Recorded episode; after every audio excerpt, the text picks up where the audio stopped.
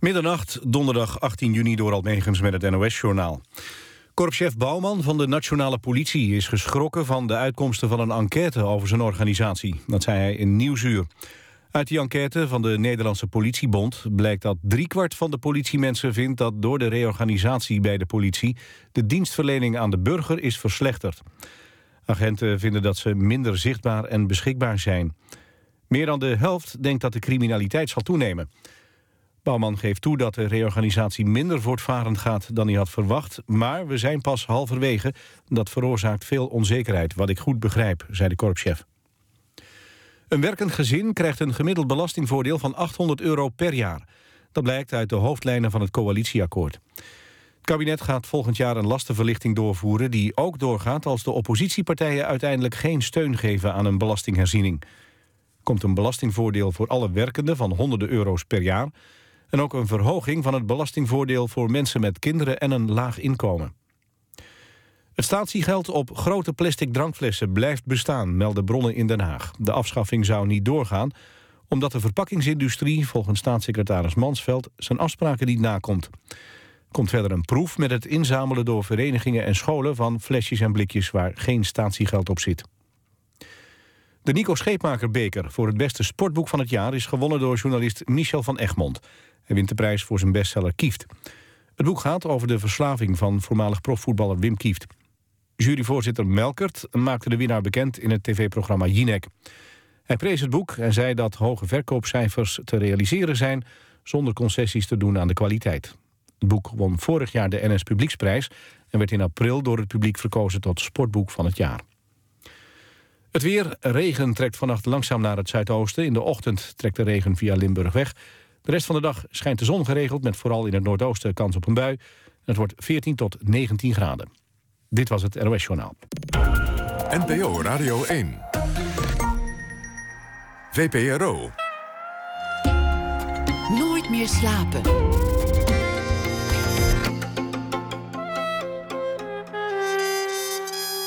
Met Pieter van der Wielen. Goedenacht en welkom bij Nooit meer slapen. Vannacht uh, brengen we actiehelden, stripfiguren, een enkele disco-legende. De kleine man die er uiteindelijk een grote puinhoop van wist te maken. Dat is Napoleon. Bart van Loos schreef zelf een prachtig boek over de kleine keizer. En hij bespreekt deze week elke nacht een uitgave vanwege het 200 jaar jubileum van Napoleons nederlaag bij Waterloo. Giorgio Moroder heeft een nieuw album. De koning van de disco wordt hij genoemd. Dat ook na ene. En Blade Runner, een klassieke film met Rutger Hauer. De definitieve versie daarvan, een herziene versie, is nu in de bioscoop te zien. Maar we beginnen met uh, Dick Matena. Een getekend leven is de titel van een tentoonstelling van zijn werk. Heden te zien in Den Haag, in Museum Meermanno. Met schetsen, drukken, brieven, memorabilia uit een 50-jarige carrière als striptekenaar. Matena, die werd geboren in 1943, begon al als 17-jarige in de studio van Martin Toonder. Dat werd het begin van een levenslange vriendschap, maar vooral ook het begin van een zeer veelzijdige carrière als striptekenaar. Bij Donald Duck tekende hij bijvoorbeeld uh, de grote boze wolf Midas en het uh, kleine wolfje Wolfje met het goede karakter. Hij tekende ook voor Eppo. Hij maakte Polletje Pluim of uh, meer omstreden werken als De Prediker. Maar het meest beroemd en geprezen werd hij toch voor zijn literaire strips. Hij verstripte, zoals het dan heet, Revens de Avonden, Kaas van Elschot, Kees de Jonge van Theo Thijssen, Kort Amerikaans van Wolkers. En wat heeft hij verder gedaan? Nou, ontzettend veel. Te veel om op te noemen. Dick Matenaar, hartelijk welkom. Goedenavond. Ik ben wezen kijken. Ontzettend veelzijdig wat je allemaal hebt gedaan. Mhm. terwijl, terwijl de meeste striptekenaars uiteindelijk herinnerd worden om één personage, één figuur, één poppetje. Ja. Dat, dat is bij jou nooit gebeurd? Um, nee. En dat uh, had eigenlijk wel moeten gebeuren. Want dat was natuurlijk zeker in de jaren 50, uh, eh, toen ik jong was en strips las. En in 1960 ook, toen ik bij de tonerstudios begon... was dat de enige manier waarop strip gemaakt werd. Je creëerde een figuur, of bij, bijfiguren... En uh, daar maakte je een verhaal van. En als het even kon, maakte je daar 50, 60 jaar lang een verhaal van. Tot die figuur er zo ingeramd was dat, dat, dat die bekender was dan jij dat is, dat, is, de, dat is de Vlater. Dat is de eh, ideale vorm van een striptekenaar. Agent dat was ook, 327. Ja. Nou, ja. nou, Martin Lodewijk van Agent 327, dat is ongeveer de enige in Nederland die daar zich bij aangesloten heeft. Veel mensen hebben dat geprobeerd. Maar dat zijn er maar heel weinig die dat, eh, die dat voor elkaar gekregen hebben. Wilde In die, klassieke, in die klassieke vorm te blijven en dat perfect, eh, perfect uit te voeren. Wat Martin nog steeds doet. Eh, ja, dat wilde ik wel, zeker. Eh, het had ook wel gekund, maar ik kwam er al vrij snel achter dat ik wel goed stri- een goede striptekenaar was, goede stripmaker. Ik schreef ook en ik schrijf nog steeds. Ehm, maar dat het om die ketting van dat, speciale talent helemaal rond te maken, dat het toch een kraaltje ontbrak. En dat is genoeg om dat, eh, om dat dan een beetje te verstoren. Ik, ik had aan de meeste dingen waar ik aan begon, had ik na twee of drie verhalen genoeg. Dan had ik er niet zoveel zin meer in, want dan dacht ik, ja, nou maar weer eens wat anders. Het gaat me een beetje vervelen. Dat was een handicap, althans een handicap voor dat soort werk. En misschien had ik dat toch wel geprobeerd, was ik uiteindelijk toch wel dat blijven doen. Wat ik nog steeds ook eigenlijk de enige echte legitieme manier van strip maken vind, is die oude klassieke vorm van Hergé en Franquin en, eh, en meer mensen. Eh, en ook zoals Martin er nog eh, uitoefent. Ehm, maar op een gegeven moment, toen ik daar een beetje, eh, een beetje van af begon te raken... door, door wat ik net zeg, ik wilde wat experimenteren... kijken, kijken wat je talent exact inhoudt... waar de grenzen daarvan liggen. Dat heb ik ook mijn leven lang ben ik dat blijven doen. En dan is als je gewoon een vaste strip hebt, is dat heel moeilijk. Dan willen de mensen alleen maar dat zien. Je kan je daarin evalueren... Maar, maar, andere dingen, dat is heel moeilijk dan. En toen kwam ineens, kwam eruit van Amerika, eh, uit Amerika in de, achter in de jaren 60, 68, 69 kwam wat ze toen de underground noemden. Eh, dat was toch een beetje maatschappijkritisch werk. hadden. En eh, het zag er ook anders uit dan alles wat er daarvoor een beetje gedaan werd. Crump is daar de grote man van geworden, Robert Crump. En uit Frankrijk kwam tegelijkertijd ook een soort nieuwe golf. Een nouvelle vague mag je dat wel weer noemen in de stripwereld. Met mensen als Möbius, eh Jean Giraud eh, was dat. eh. en de me- mensen van Metal. En die gingen werken zoals schrijvers werkten en, en dichters. Die gingen geen series maken. Die gingen één boek maken wat ze leuk vonden. En als ze het leuk vonden, nog een tweede. Maar ze, ze gingen gewoon maken wat ze wilden. Een soort eh, eerste beeldromans echt die gemaakt werden.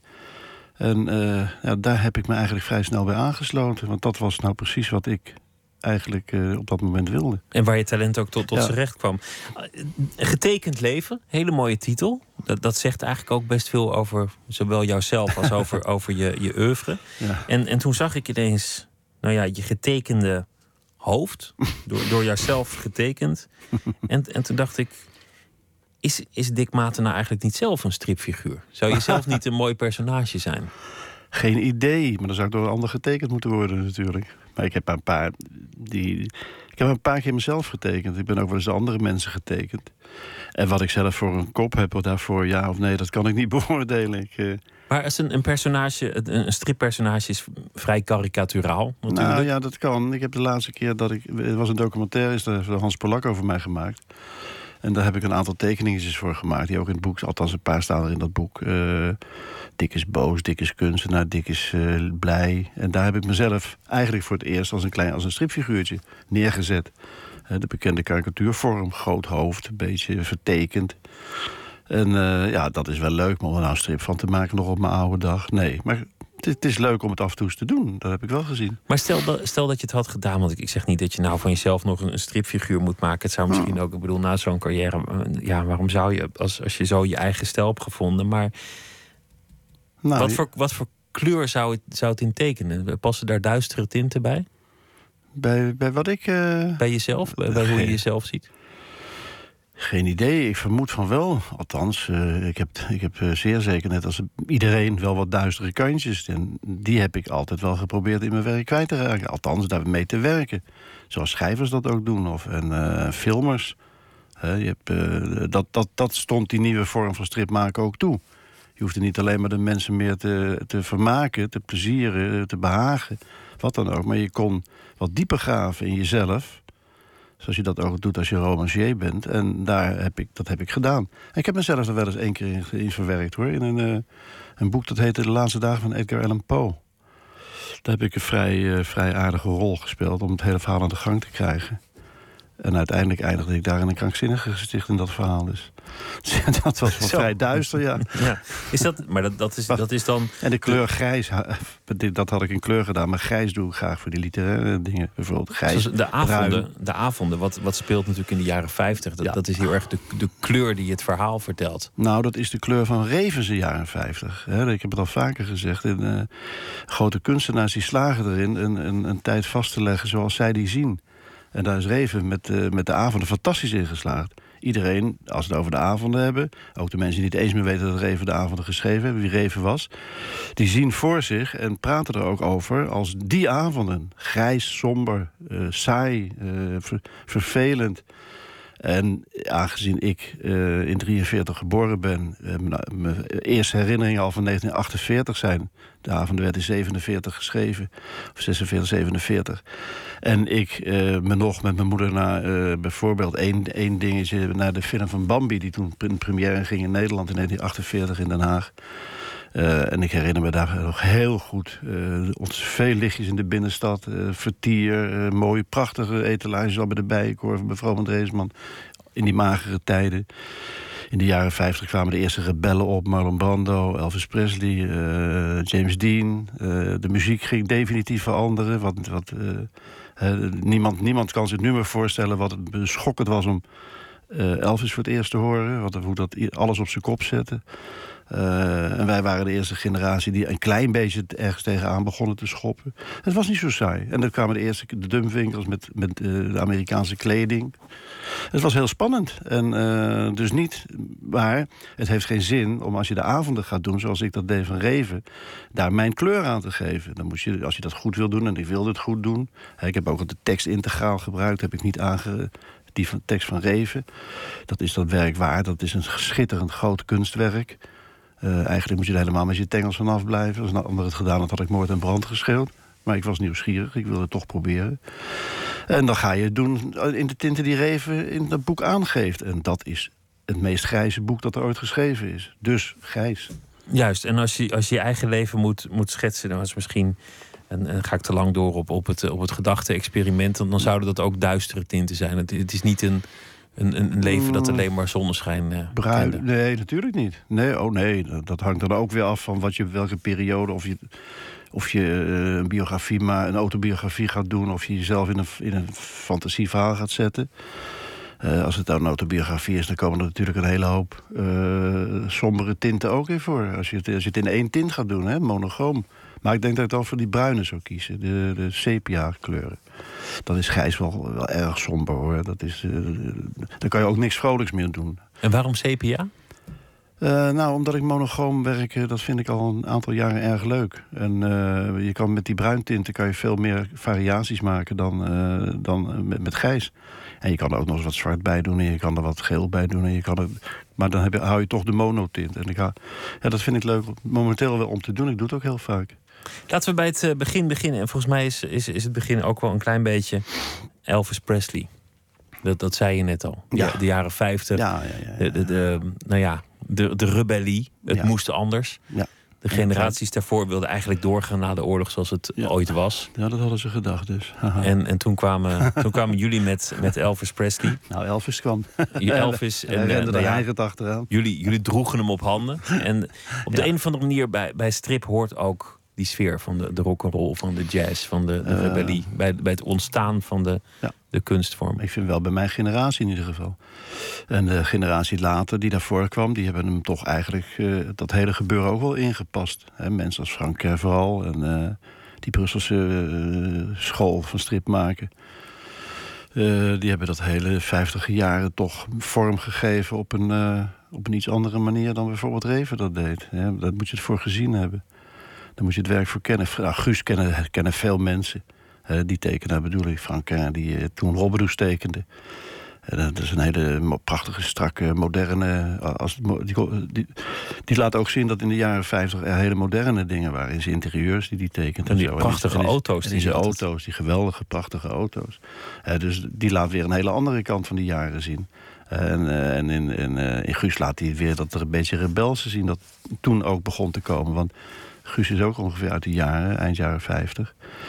Toen hij voor het eerst in, eh, in het blaadje, in het uh, weekblad Robben dus rond begon te lopen.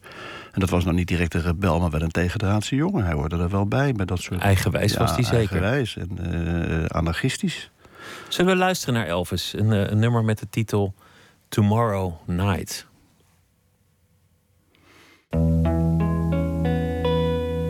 Tomorrow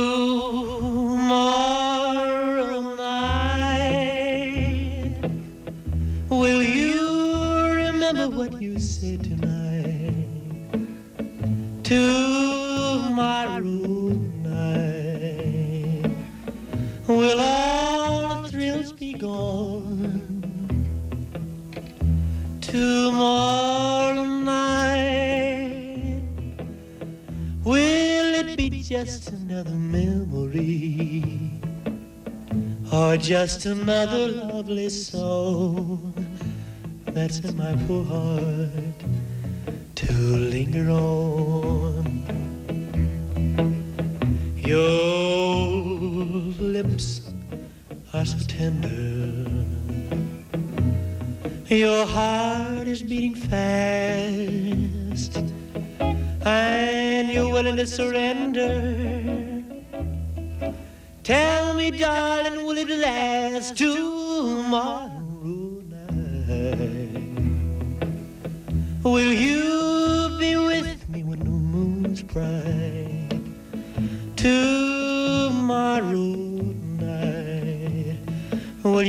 those lovely things you said tonight?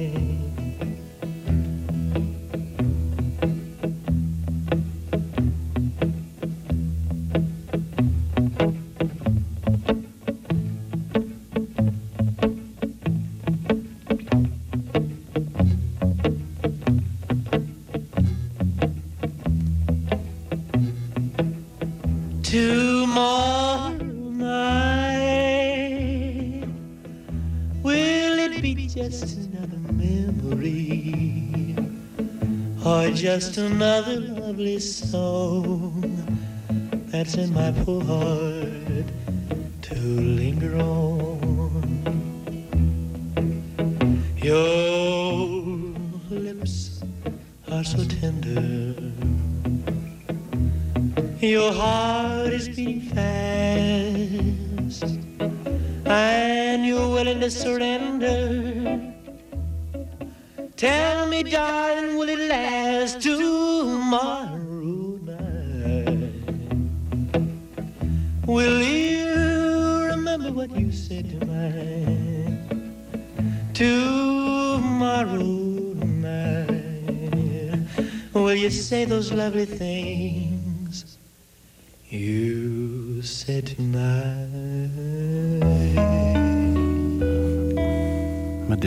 Is. Uh...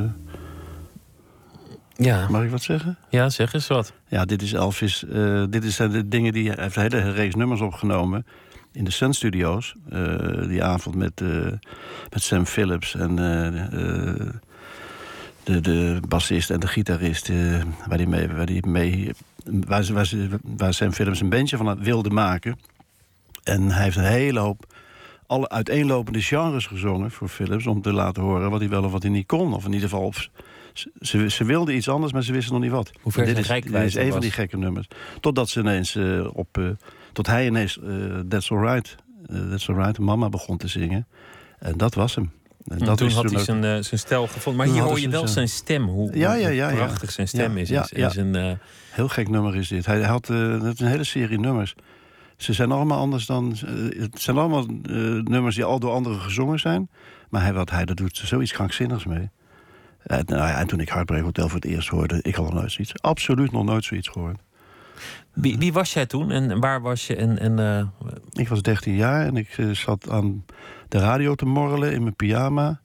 Om uh, Radio Luxemburg, dat was toen de zender van de Amerikaanse strijdkrachten eigenlijk. Maar daar werden de, de, de, de, de nieuwste plaatjes gedraaid. Alles wat rock'n'roll al was.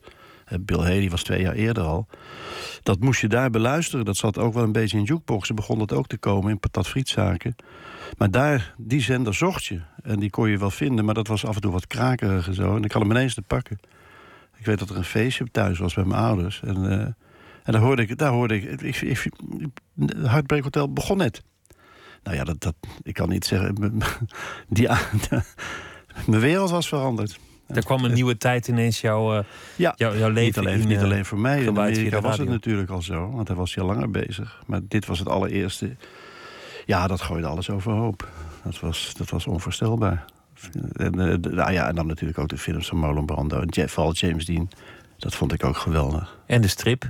En de strip. Ja. Oh, je was 17 toen, je, toen je begon als tekenaar in, in, Ja. een, eh, in een studio. Met, 1960. meteen bij eh Martin Toner. Dat is, dat is heel jong, Eh, nou, jong. eigenlijk. Ja, jong. Toen kwamen wel meer jongens bij Martin Toner. Ook in de oorlog. Hans Kresse was nog jonger, geloof ik. De man van Erik de Noorman. En het, was, het was vooral in de oorlog was het een eh, vergaarbak van, eh, van jongens en jongetjes... die daar eh, ook eh, zaten om, om de, eh, de zat in eh, Duitsland te ontlopen. De razzia's.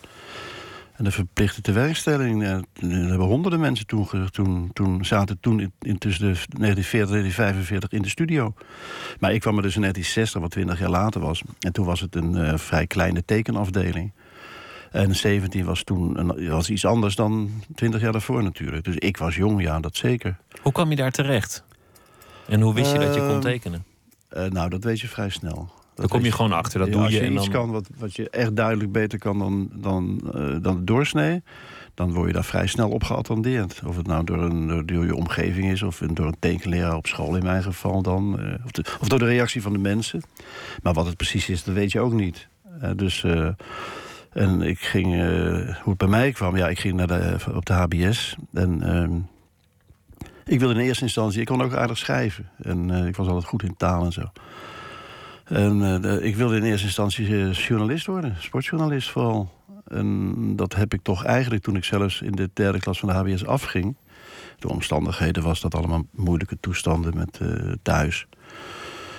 Eh, is dat allemaal een beetje mislukt. Maar ja, toen was ik er al achter dat ik aardig kon tekenen. En ook aardig kon schrijven. Maar ik, eh, tot aan dat moment eh, was ik toch van plan naar de school van de journalistiek te gaan. Dat kon ineens niet meer, omdat ik de vlucht van die HBS afging. kon ik ook niet naar de academie. Daar moest je toen ja, vijf jaar HBS voor hebben. Klinkt bijna als een negatieve keuze, want dan maar, dan maar tekenen. Nee, nee, nee, dat, dat dacht ik toen nog helemaal niet. Maar het enige wat ik echt absoluut goed kon... en, en ik voelde toen al misschien waarschijnlijk iets beter dan, dan schrijven... dat was tekenen. Dus als je ineens op straat staat en, eh, en je loopt een beetje stromeloos rond... je, je moet dan toch een beetje werken... eh, eh, dan val je van het ene gekke baantje het andere baantje. Dat kon toen nog, dat jeugdwerkeloosheid bestond absoluut niet. Dus ik heb alle handen baantjes gedaan vanaf pakken bij mijn vijftiende, bijna 16 tot, tot en met mijn zeventiende.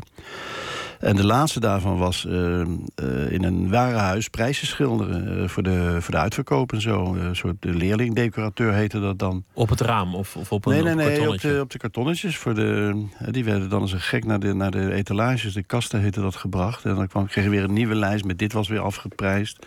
En de andere dingen deed ik ook. Ik, ik tekende ook kaarten met allemaal poppetjes erop. Want ik tekende wel veel poppetjes. Eh, stripjes ook. Dus zat ik in mijn vrije tijd zat ik daarboven. Ik heb er een maand of drie, vier, vijf gewerkt. Ik zat ik ook stripjes te tekenen. En er was een, eh, mijn chef.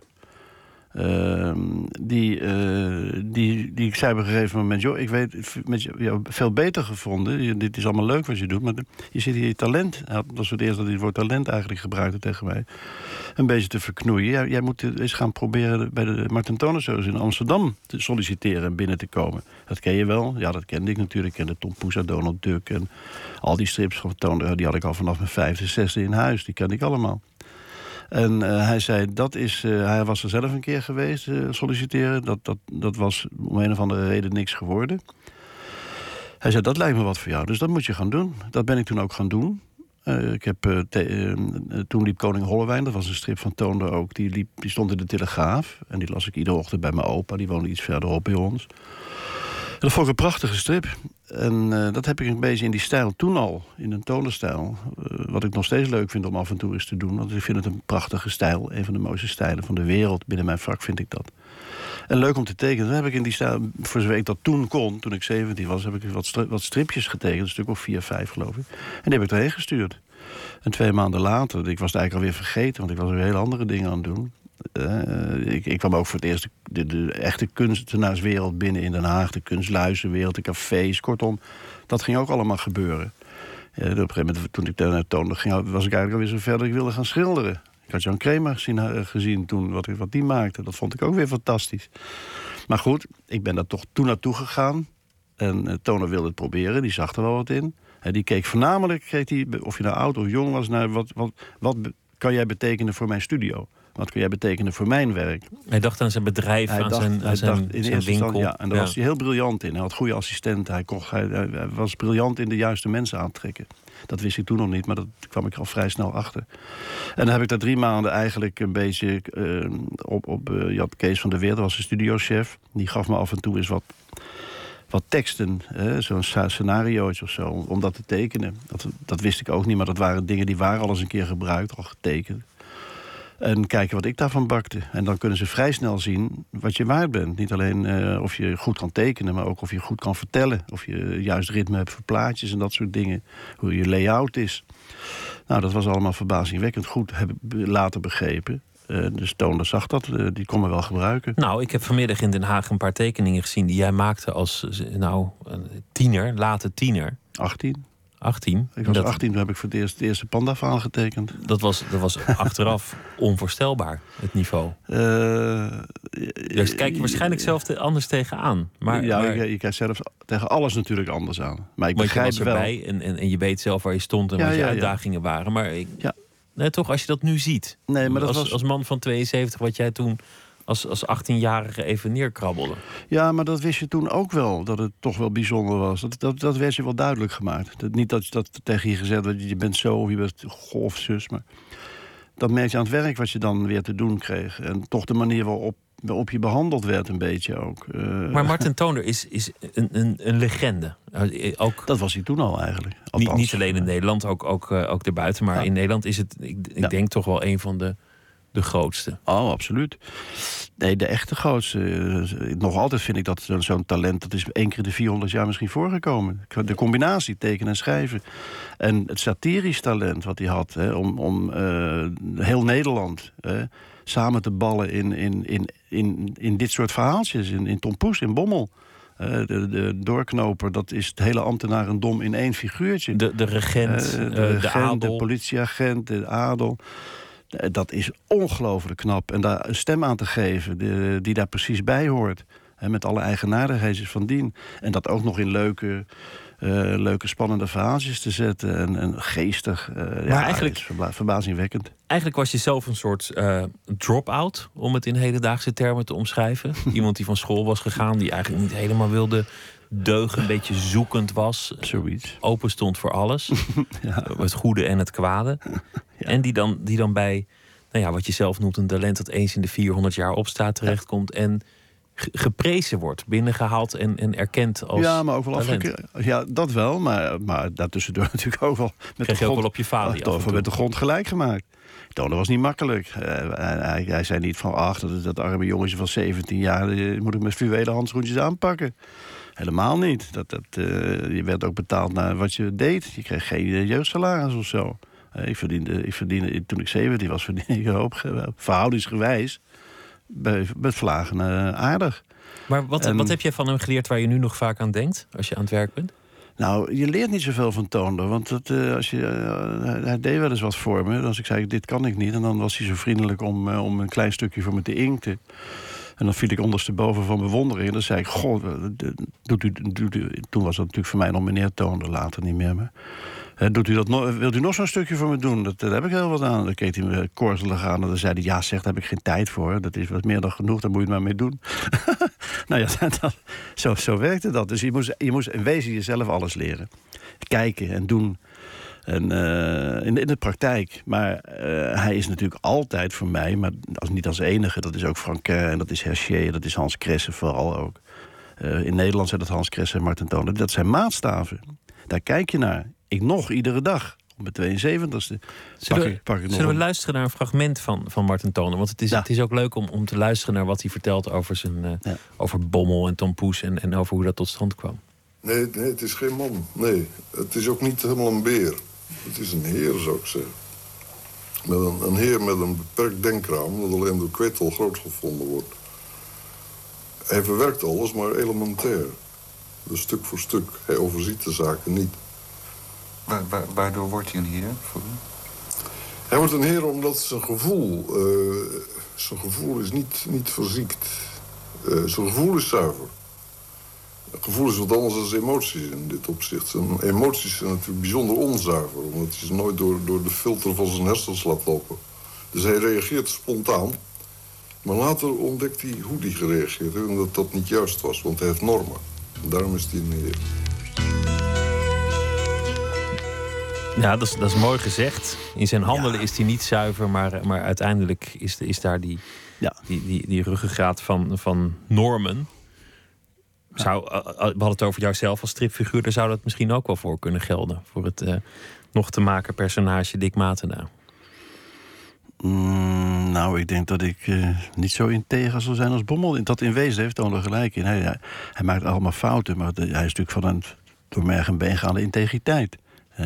Anders dan al die andere figuren die erin voorkomen. Die zijn allemaal om te kopen en corrupt en noem maar op. En jij niet? Eh, ik denk dat ik, dat ik bij tijd en wijle eh, wel degelijk eh, wat corrupt zal zijn en niet zo integer. Probeer het wel, tuurlijk. Ik ben geen, geen, geen eh, crimineel of eh, geen immoreel of amoreel. Eh, tuurlijk niet, maar, maar die stripfiguren, dat is... eh, ja, die worden natuurlijk ook door een scenarist in de, handen gehouden, in de hand gehouden. Wij misschien ook, maar ik heb geen idee.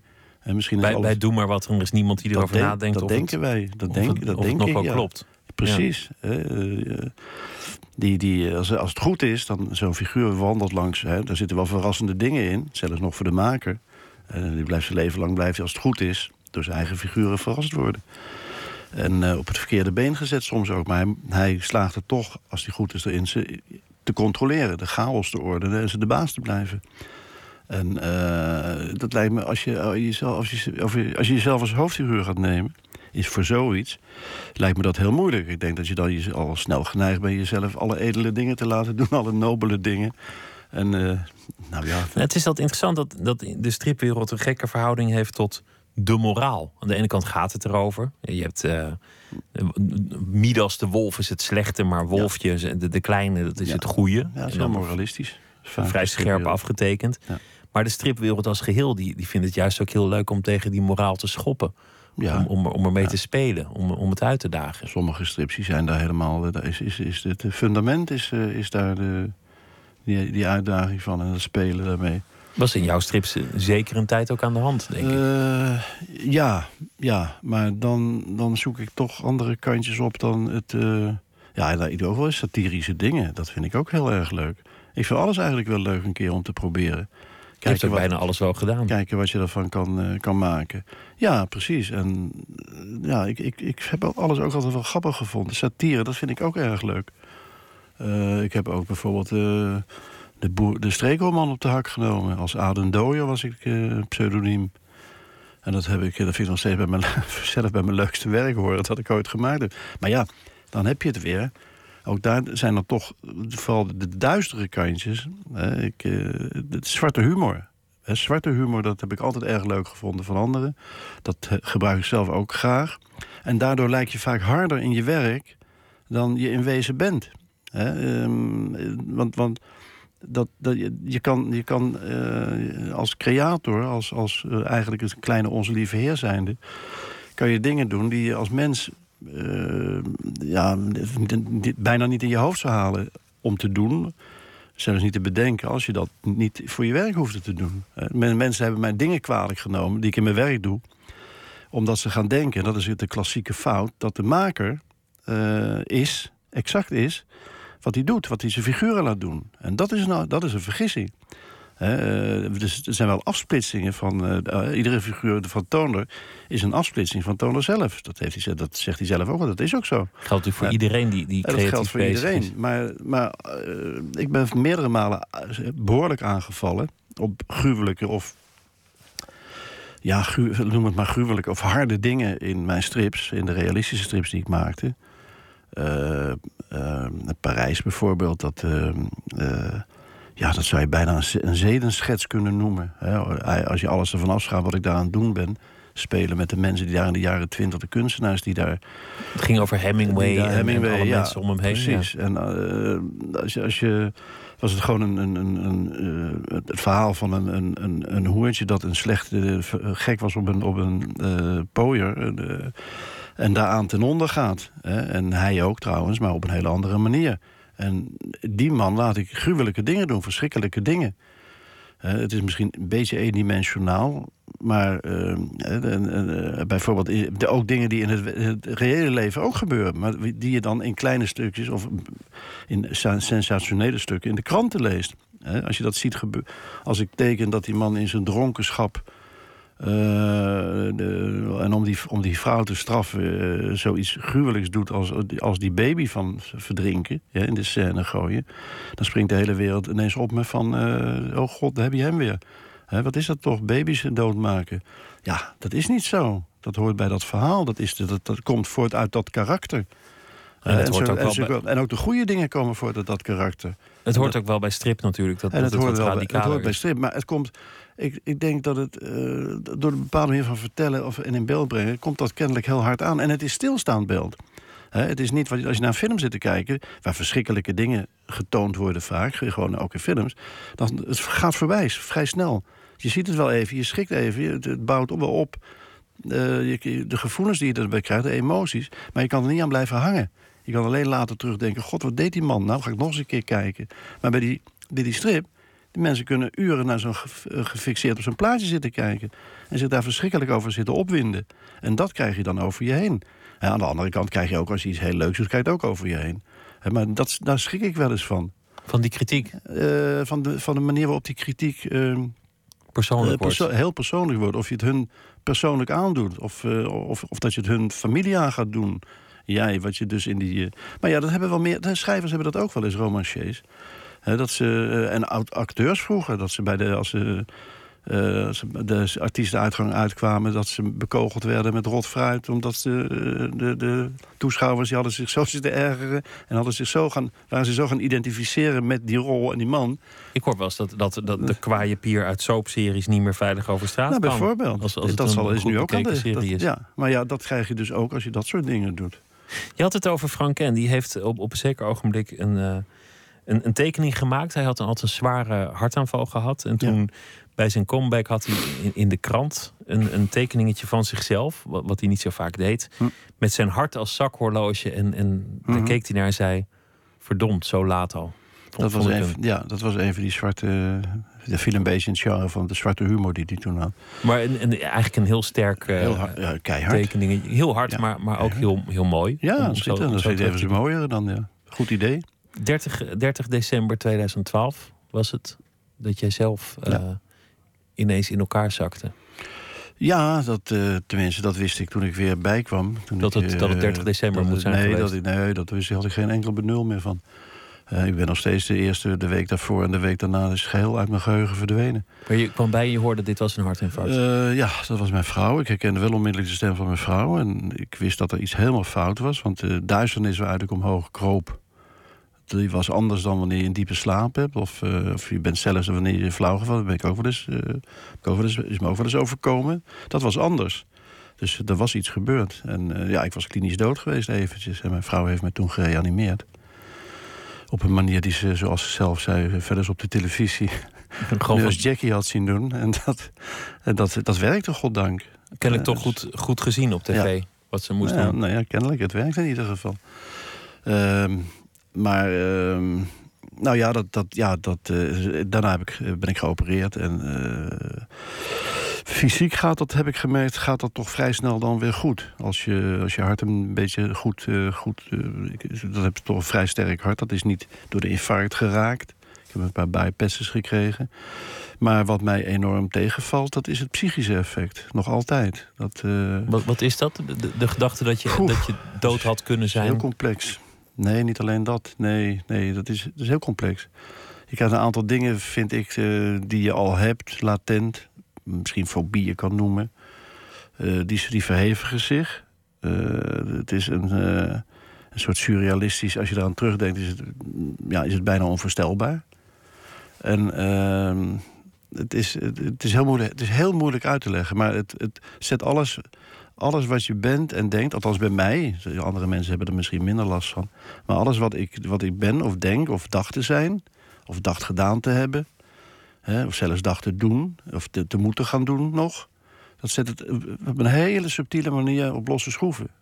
Alles stond op zijn kop. Ja, ja en nee. Het is, het is net of het niet meer eh, in, echt realistisch gebeurt. Het is net of je een eh, verkeerd boek zit te lezen. eh, eh, maar of er zelf in meespeelt, een film. eh, het, is, het is raar. Kan- het, het, is eh, niet, het is een tijdje is het niet te relateren aan de werkelijkheid. Maar dat is het wel.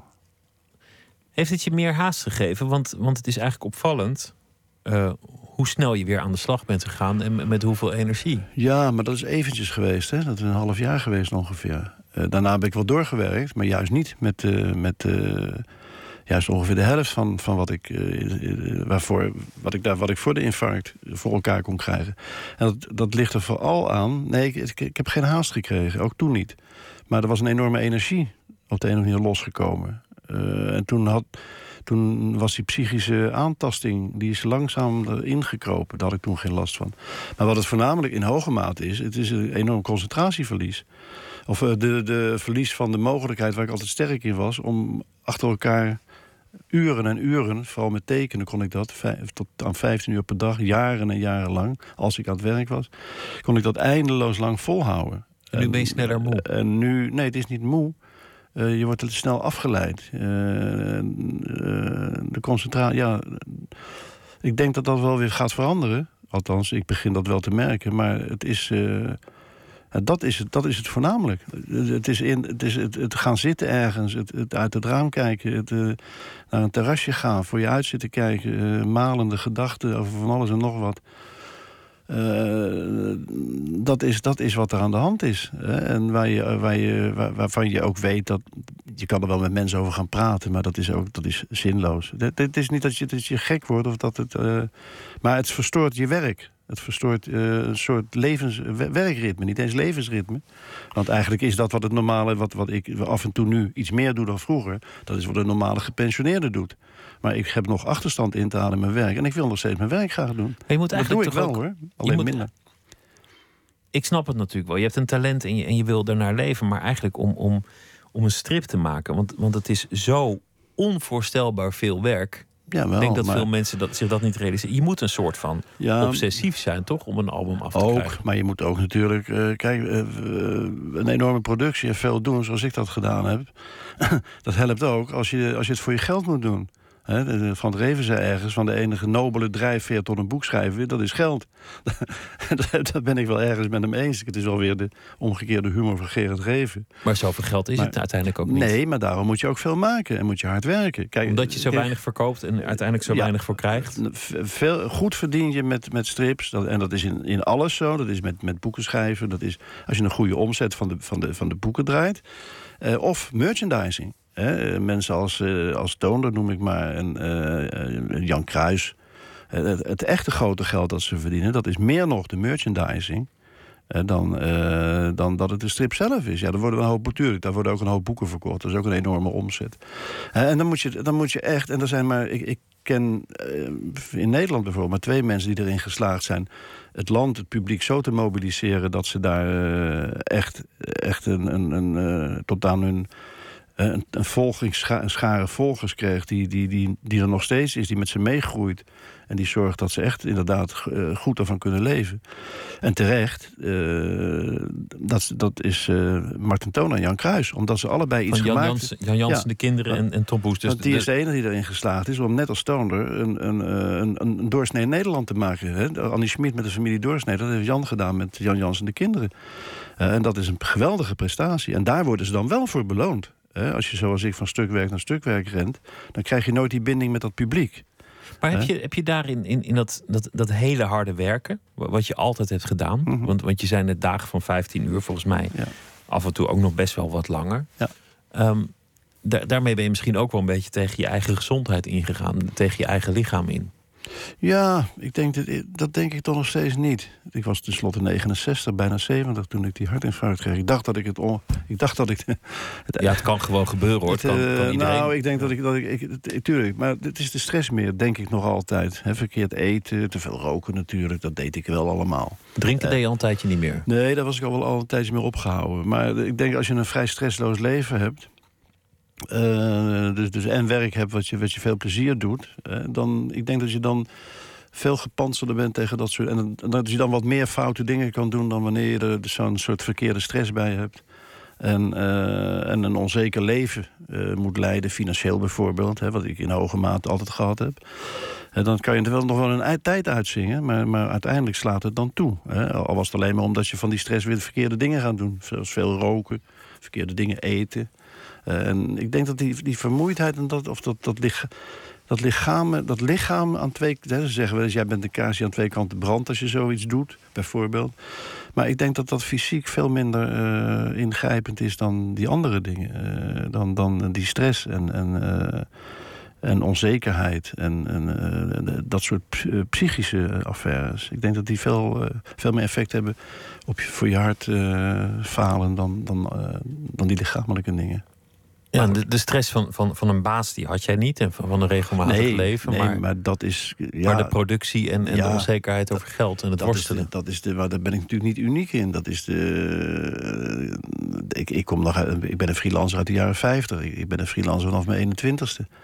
Uh, je, je, je, hebt, dan wel wat, wat je hebt, is vrijheid. Je kan werken wanneer je wil en zo. Maar ja, het is een geketende vrijheid. je moet. Je moet je, je bent nergens beschermd. En nu, nu is er, komt er iets meer bescherming. Maar de, de kleine zelfstandige is natuurlijk altijd een, een, een aangeschoten wild. En, uh, een dagloner feitelijk. Een dagloner geweest, hè? Die, uh, een half, halve slaaf. Ja, je, je, noemde jezelf ook wel eens een, een, uh, een niet praktiserend alcoholist. ik, ik hoorde zelfs dat je, dat je nog lange tijd met een heupfles hebt rondgelopen... om er af en toe aan te ruiken, om te weten dat je het nog dat kon is weerstaan. Een klein flesje wat ik altijd in mijn zak heb. Nee, nee, nee, niet omdat je... Nee, maar omdat, het, omdat ik af en toe doe ik het eens open, dan ruik ik even aan. Net zoals ik, aan, net zoals ik uh, af en toe een klein knabbeltje van een bonbon neem... die ik erg lekker vind, maar waarvan ik weet dat het niet goed is om te doen.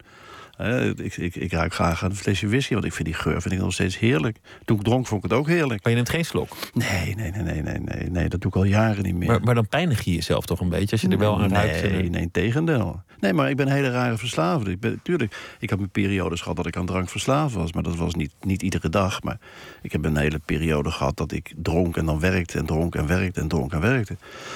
Uh, geroken heb ik ook heel lang wel gedaan achter elkaar. Maar ik, ik kan er uh, op de een of andere vreemde manier, dat geldt voor, voor alles, kan ik er van de ene dag op de andere mee stoppen. Ik heb, met roken ben ik al eens een keer tussen mijn 30 en mijn 40 tien jaar gestopt van de ene dag op de andere. En nu, waar andere mensen toch zelfs nog na een hartinfarct vaak problemen hebben om met roken te stoppen, wat je dan toch beter wel kan doen. Nee, dat kost me geen enkele moeite. Daar was ik binnen een dag ben ik daar vanaf. Dus wel, wel sterk.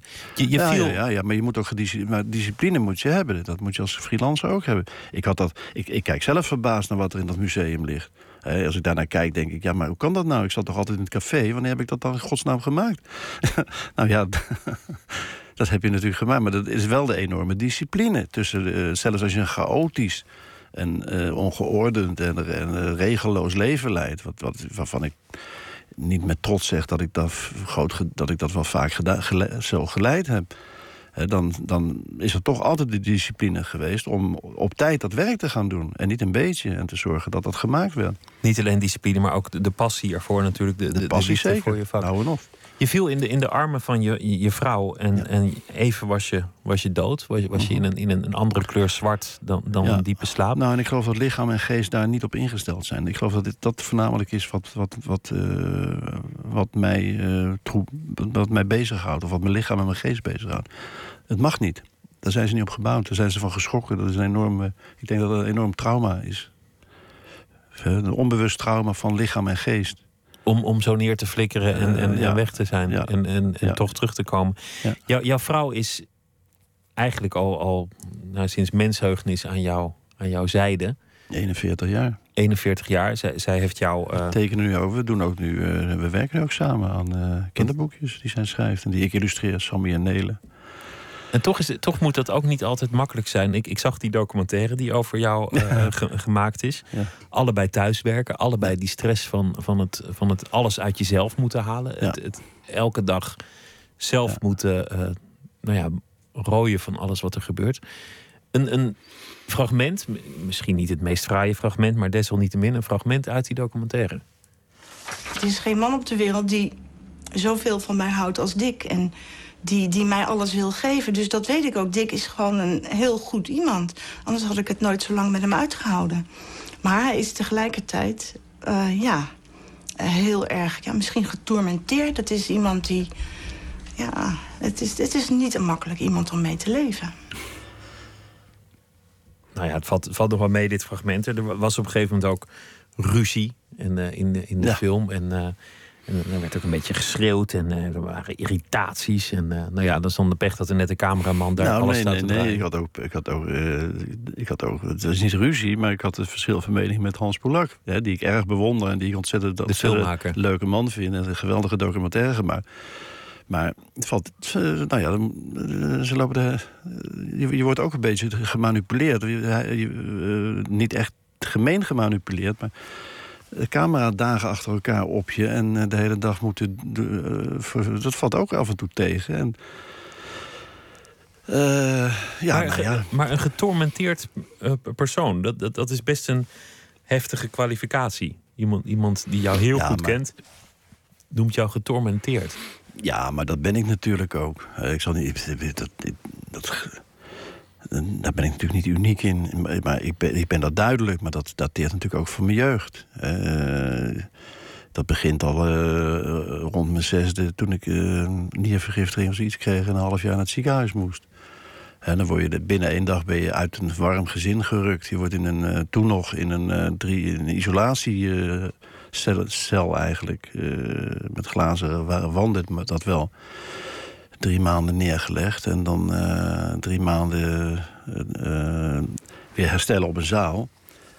In een, in een kind, kinderafdeling. En, en dat was in de tijd dat, dat kinderen echt weggehaald werden bij hun ouders. Hè? Dat zijn moeder, je moeder kwam één uurtje per dag kwam ze, mocht ze komen kijken.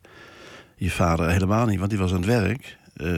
Je broertje, dat, die mocht in de, in de wachtkamer zitten wachten. Hetzelfde heb ik meegemaakt toen, uh, toen jaren later mijn zusje in datzelfde ziekenhuis waar ik gelegen heb, uh, langzaam aan het sterven was.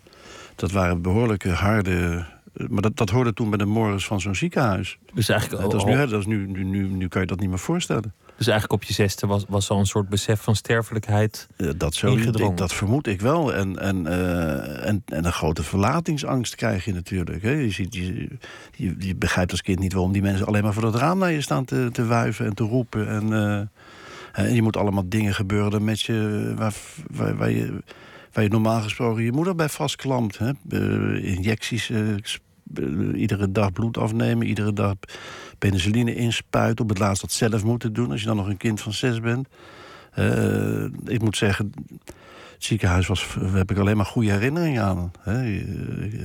Nee, Johannes de Deo was dat, een nonnenziekenhuis. Geen slechte ervaring herinner ik me daarvan.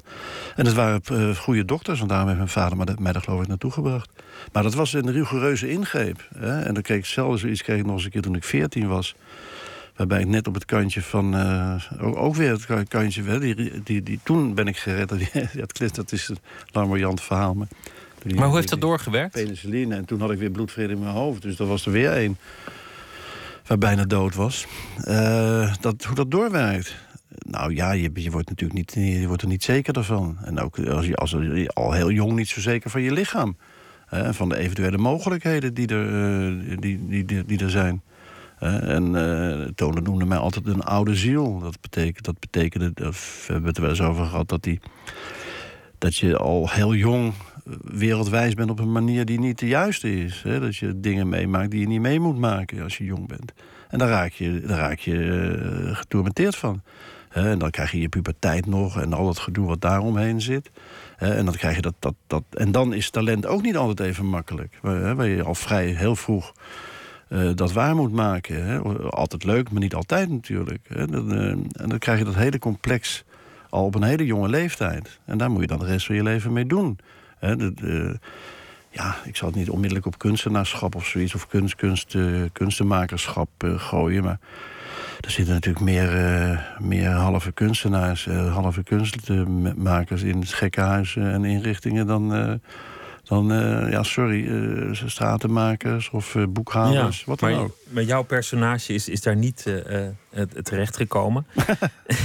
wat, wat is al met al je gevoel? Want je bent nu door die zaal gelopen. Dit is een soort terugblik op, op jouw oeuvre, jouw carrière, jouw baan. Wat, wat, Ja. wat, wat denk je dan? Wat ik denk, ja, ik, ik, ik, ik, denk, maar dat, denk ik altijd al. Het is, eh, nou ja, ik sta, ik sta paf van de omvang, zelf ook. Hè, eh, van, van de verscheidenheid niet. Dat vind ik een beetje zoals ze dan gaan roepen van, eh, dat, hoor dat hoor ik nou veel. God, wat is die man veelzijdig en die, wat, die kan alles. Ja, dat is omdat ik goed kan tekenen en, en, en een beetje aanleg heb tot mimicry. Hè? Zoals sommige acteurs heel goed hun collega's kunnen imiteren. Zo kan ik collega's imiteren. Dat, eh, dat helpt ook door in leven te... Als je, als je, als je veel moet werken... eh, het heeft mij helpen overleven vaak. Hè? Eh, Ghost tekenen voor, voor andere mensen. Dat vind ik ook een beetje zo van dat, de, man, de, de, de vrouw met de baard. Hè? De, de, de, sterkste man ter wereld. Een soort eigenaardigheidje. Maar het beste werk wat ik gemaakt heb, dat, dat, dat ligt er ook. En, en ik vind nog altijd dat een eh, kunstenaar naar zijn beste werk... wat ik trouwens ook Anton... Ja, wat, wat is er? Want dat wilde ik net vragen. Is, zijn dat die literaire strips? Vind, je dat je, je beste Eh, werk? Nee, niet alleen literaire strips. Het werk wat ik gemaakt heb toen waar ik mee in Amerika terechtgekomen ben. eh, in heavy metal. De Mythen en ook de Prediker. En, eh, en Parijs bijvoorbeeld. Die ik zelf geschreven heb. Die vind ik ook bij mijn allerbeste werk horen. En, eh, en ja, natuurlijk vind ik de, de, de, eh, de, de, de bewerkingen, de, beeld, de literaire beeldroman die ik doe. Ja, ik ben blij dat ik dat heb kunnen doen. En dat is prachtig werk. Want, want daar heb je eigenlijk iets gedaan wat niemand anders heeft gedaan. Want, want er zijn Ja, natuurlijk heel veel is- bewerkingen literair van strips gemaakt, maar niemand die de tekst in, intact hield. Niemand die Eh, echt een, een roman nee. volgde. Nee, dat is waar. Maar dat andere werk, dat was ook eh, al werk wat, wat ik nooit ergens door iemand heb zien maken hoor. Dat is ook het probleem daarmee geweest. De, de, de, de- er is nooit een referentiekader geweest eh, voor, om, voor, me- voor lezers om, om dat. Je, ze, ze moeten iets zich ergens aan kunnen vasthouden. Het, iets kan zo origineel zijn dat het tegen, tegen je gaat werken. Hè? En dat was toch met die, met die verhalen die ik in die tijd maakte. Het was niet veel, het was genoeg om ook daar een soort naam mee te krijgen. Eh, eh, een goede naam en een slechte naam. Alles, alles door elkaar heen. Dus ik, deed al, ik had al wel iets gedaan wat, ook een, wat niet literair was, maar wel, wel eh, laat zeggen, pretentieus. Meer pretentie dan alleen maar een stripje. Want- maar maar, de, maar het, het werken aan de avonden, vooral als eerste... Ja, die ben ik gewoon gaan doen. Niet omdat ik zozeer literair wilde doen, maar omdat ik de avond een fantastisch boek vond. Toen en nu nog altijd. Een van de grootste boeken ooit geschreven in de Nederlandse taal. In een prachtige stijl. En eh, later is hij nog veel mooier gaan schrijven. Op weg naar het einde. Zo wil God dat, dat er geschreven wordt. Zo simpel is dat. Dus daar ga ik niet aankomen. Maar toen ik iets gevonden had. Ik, ik, wilde het al jaren doen. 25 jaar misschien al. Alleen ik wilde die tekst intact laten. En dat kon no- nooit. Bij films ook. Als een, eh, als een boek verfilmd wordt. Het eerste wat ze gaan doen is roepen van... ja, maar dat moeten wij allemaal gaan om, ombuigen. Eh, en dat, dat, dat moet ook. Ik, je hebt kinderboeken heb ik ook zo gedaan. Pietje Bel, uh, Kruimeltje, Dick Trom. En dat kan ook heel leuk werken. Daar kan je ook iets moois van maken.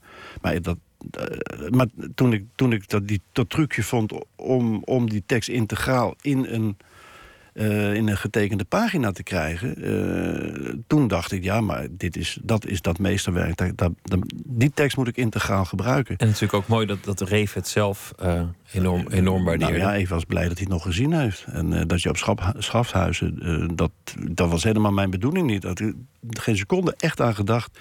Het was een nieuwsgierigheid en die, had ik, die was ingevuld. Ik ga er echt niet vanuit dat er een uitgever was die de 400 pagina's ging publiceren. Al helemaal geen literaire. Maar Joop zei, nou dat gaan we dus doen. Hè, dat, eh, en Reven vond het, eh, die zat toen al wel toch wel in het begin van Alzheimer. Maar hij was nog redelijk helder. Eh, ja, het is geweldig dat dat allemaal gelukt is. En dat, dat Reven dat nog gezien heeft. Het is te zien in het museum Meermanno in, in Den Haag. Ook een erkenning misschien voor de stripkunst in Nederland... dat, dat het in een museum hangt. De, eh, ja, dat, nou ja, in ieder geval Ja, erkenning voor mij. ja, ook. Maar ik denk ook voor, voor het Nou, vak. Omdat nou ja, ik heb, ik heb één ding, wat de mensen ook van me denken. Ik heb mijn leven lang, dus daar mag ik nou wel over praten... heb ik, heb ik geprobeerd, zeker de laatste twaalf jaar ook weer... om dat vak een beetje meer in aanzien te brengen. In Nederland wordt dat enorm, enorm dédain eh, behandeld. Ik heb gezegd, in België wordt het echt goed behandeld. Zoals de bakker, dat is het noodzakelijk. wordt het gezien. Dus de bakken en de, de, maatschappelijk.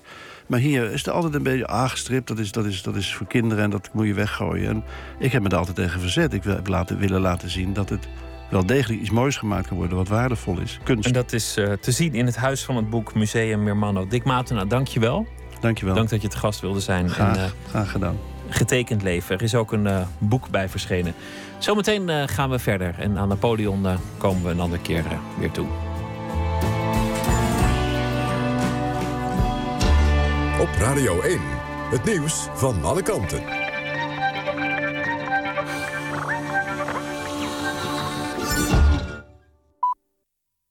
1 uur door Almegens met het NOS-journaal. Het kabinet stuurt vandaag nog een brief naar de Tweede Kamer... met een uitleg over het uitgelekte belastingplan.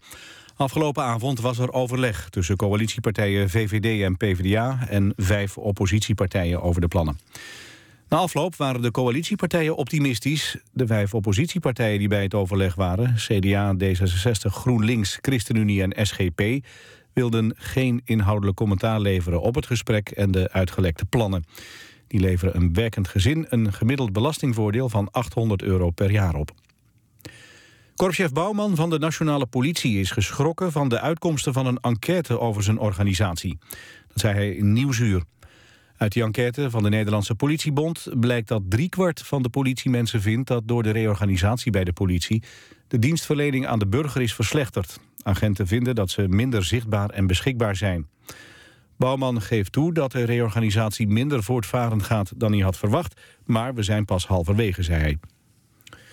Gedetineerden hoeven waarschijnlijk toch geen eigen bijdrage te gaan betalen voor hun verblijf in de gevangenis. In de Tweede Kamer is er genoeg steun om gevangenen 16 euro per dag te gaan vragen, maar in de Eerste Kamer ontbreekt die. Tijdens een debat in de Tweede Kamer bleek afgelopen avond dat oppositiepartijen CDA, D66 en SP, nodig voor een meerderheid in de Eerste Kamer, tegen zijn.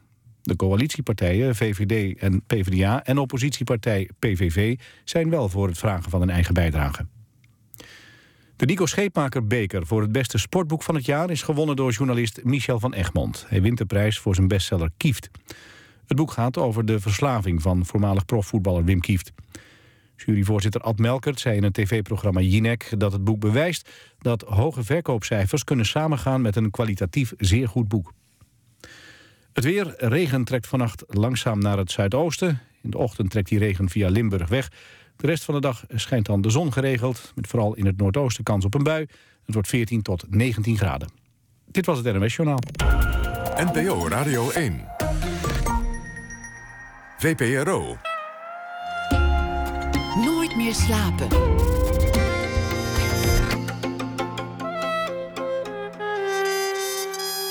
Met Pieter van der Wielen. U luistert naar eh, Nooit meer slapen. Het item dat ik aankondigde over Napoleon, dat eh, laten we even liggen. We gaan het straks hebben over eh, Blade Runner. Een film waar Rutger Hauer mee eh, doorbrak in de Verenigde Staten. Een nieuwe versie daarvan eh, is te zien in de bioscoop. Maar we beginnen met Karin Amatmoukrim. Zij eh, heeft vijf romans gemaakt tot nu toe, waaronder Het Gim, De Man van Veel, twee recente zijn. Deze week zal ze elke nacht een verhaal voordragen dat ze speciaal schrijft voor dit programma over iets dat die dag is gebeurd. Karin, goeienacht. Goedenacht Pieter, welkom. Welkom terug. Dankjewel. Ja, ik was even weg. Je is een paar dagen weg. Moet ook gebeuren. Ja, is ook. Vertel eens, wat is er, eh, wat is er gebeurd in de wereld in de, in de tussentijd? Ja, ik was niet, niet dat ik niet op de wereld was hoor. Ik ben niet zo ver, de dampkring niet verlaten, maar, maar toch, zo voelt het wel. Nou, er is nogal wat gebeurd, maar voor mij, en voor vanavond, dat, eh, ik, ik, ik, een, een misverstand heeft mij een beetje bezig gehouden. Ik, eh, ik, ik, ik bladerde door de krant en ik las een, een kop van een artikeltje en ik las dat verkeerd. En eh, zelfs tot twee of drie keer aan toe. Maar elke keer, eh, het ging over Holleder en het interesseert me niet heel erg. Dus ik ben er steeds aan voorbij gegaan. En toen ik erachter kwam dat ik de titel verkeerd had gelezen, vond ik dat eigenlijk heel grappig. En dan herinnerde me weer aan een ander krantenartikel van een paar dagen geleden, of misschien al een week geleden. En eh, dus ik heb een stukje fictie geschreven erop, omdat gisteren was het meer een column wat ik schreef. En nu dacht ik, is het wel fijn om in het fictieve te blijven. Dus eigenlijk heb ik me op twee stukjes gebaseerd. Goed, nou, nou, ik zag vandaag een soort, eh, de tien gezichten van, eh, van Willem Holleder. En een, een, een beetje een soort karaoke-artikel met alles wat je eigenlijk al wist over Holleder. Ja. Wat wel goed gedaan was, zeg ik het er met- meteen maar even bij. Anders is het weer zo'n schoffering. Maar jij, jij las iets anders. Wat las jij dan? Daar ben ik benieuwd naar. Ik las de, de gedichten van Holleder. Dat zou mooi zijn, dat hij, dat hij in, ik de, dacht, in de bak door de poëzie is, is geraakt. ik dacht, dat is bijzonder. En tegelijkertijd dacht ik, ja, Holleder, laat maar zitten. En toen pakte ik de krant nog eens op en toen las ik weer de gedichten van Holleder. En toen dacht ik aan eh, een ander stuk, ook in eh, de NRC van vorige week... waarin ehm, ze aangaven dat eh, eh, eh, creativiteit en ehm, schizofrenie... eigenlijk dezelfde neurologische oorsprong hebben. En dat wordt natuurlijk altijd al een beetje vermoed. Ehm, en, en, en op de een of andere manier kwam ik weer terecht in, in dat artikel... omdat ik daar aan dacht. Dus daar heb ik over geschreven. Zal ik het voorlezen? Ja, ga je gang. voordat ik alles vertel. Het was tien uur ochtends toen Paul de krant opensloeg en schrok van een kleine kop rechts van het grote nieuws. De gedichten van Holleder las hij. Een oud gevoel van jaloezie bekroop hem. Hij herinnerde zich hoe, toen hij nog studeerde, een hoogleraar vertelde dat schizofrene mensen creatiever met de wereld omgaan. Paul had zijn hand opgestoken en gevraagd om een concreet voorbeeld. En de professor antwoordde, neem een baksteen en vraag aan een groep mensen wat ze ermee kunnen. De meesten zullen zeggen een huis bouwen, een straatplavei. Een schizofreen persoon ziet verbanden die anderen niet direct opvallen. Zo iemand zou kunnen antwoorden. Met een baksteen creëer je kringen in een vijver. Na afloop van het college was Paul de universiteit uitgelopen en dacht aan de baksteen en hij voelde zijn ziel rimpelen alsof hij het was waarin een steen was geworpen. Dat was wat hij wilde, dacht hij. Creatief, op het randje van gek. Hij probeerde het een tijdje en nou vooruit, hij had het een vrij lange tijd geprobeerd om creatief te zijn. Zo iemand waarvan ze zeiden, hoe komt hij er toch op? Maar het was hem niet gelukt. De kringen vielen stil en nooit zag hij eens dingen die de wereld in beweging zetten. Enkel de richting van de dingen die al waren verschoven. Hij staarde naar de krantenkop toen zijn secretaresse met zijn koffie van tien uur binnenkwam. Secretaresse, dacht hij. Leaseauto, hypotheekrente, CITO-scores, alimentatie, sportschoolabonnement. Er was een verband, zoals met een steen en de kring in het water... tussen alles wat er gebeurde en alles wat er bestond. Hij zag het alleen niet. Hij miste de poëzie erin. Het getekende gezicht van Holleder staarde hem aan vanaf het krantenpapier. Hij schoof het ruw in de prullenbak. Zijn secretaresse keek even op, maar ging weer verder met haar bezigheden. Er was geen vermoeden van een gemis, dacht Paul. Want geen man is normaler dan ik. Ging toch ook over de tien gezichten van, van Holleder, eigenlijk. Of, of de tien gezichten van, van, van wie dan ook. Eh, ja, dat, dat zou je dat kunnen interpreteren. Ja, min of meer. Voor, mij was het meer dat er altijd een soort... Er gaat altijd een enorme aantrekkingskracht u- uit van de gedachte dat... eh, eh, eh, eh, eh, genie en gekte met elkaar te maken, dicht tegen elkaar aan liggen, zeg maar. Ehm, maar in de praktijk eh, ehm, blijft er niet zo heel veel van over. En eh, daar gaat het eigenlijk meer over. En ik dacht opeens aan zo iemand die dat kan, ook verkeerd kan lezen zoals ik dat heb gedacht. Van de gedichten van Holleder. En die dan bij zichzelf denkt van ja, die boef maakt wel poëzie. En mij is het in mijn leven niet gelukt. Terwijl ik dat wel graag had gewild. Maar Holleder maakt dus helemaal geen poëzie, Pieter. Nee, nee maar hij, eh, er stonden wel tal van citaten die, eh, nou ja, die, die, die een zekere poëzie, poëzie wel in zich droegen. Hè? Van, van, eh, ik zou ik heb het artikel dus niet gelezen ook. nou ja, de, de- allemaal dreigementen en, en, Oh, en ja. schofferingen waarvan je, nou ja, in, in een bepaald genre toch kan zeggen dat ze een zekere poëtische waarde hebben. Behalve als ze tegen jou gezegd worden, want dan denk ik meer dat een slapeloze nacht eh, oplevert. Of, eh, of een paar. Dankjewel voor het eh, verhaal van deze nacht. En eh, morgen krijgen we weer een eh, verhaal van je. Voor nu een goede nacht, Karen Amadmoukrim. Dankjewel. Dankjewel. Aanstaande vrijdag begint in Hilvarenbeek een festival, Best Kept Secrets. En al daar zal onder andere optreden de Californische groep Death Cab for Cutie. We luisteren naar een stuk You've Haunted Me All My Life.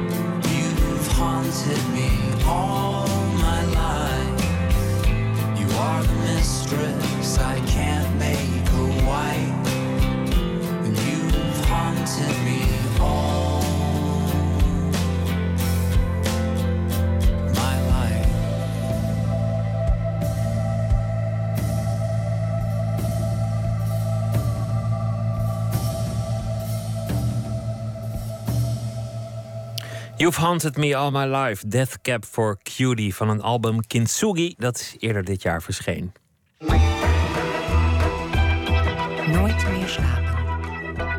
De film Blade Runner betekende de grote doorbraak in Hollywood van Rutger Hauer, de Nederlandse acteur. Een science fiction film met veel actie van eh, Ridley Scott. En eh, Hauer speelde Harrison Ford zo'n beetje van het doek. Inmiddels staat de film bekend als een klassieker in het genre. Maar in 1982 werd die film nog helemaal niet zo op waarde geschat. Omdat de final cut vanaf donderdag in de bioscoop te zien is, legt Parool filmjournalist en fan van het eerste uur Bart van der Put uit aan Floortje Smit waarom hij in 82 boos de bioscoop uitliep. En waarom Blade Runner desalniettemin een klassieker is geworden.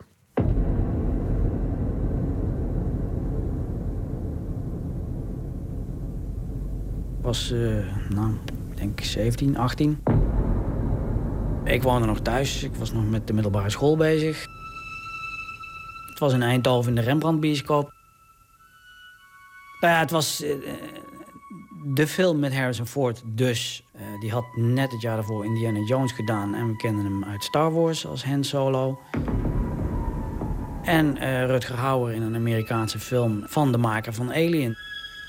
De verwachtingen waren behoorlijk hoog gespannen. En eh, hij stelde niet teleur tot het einde.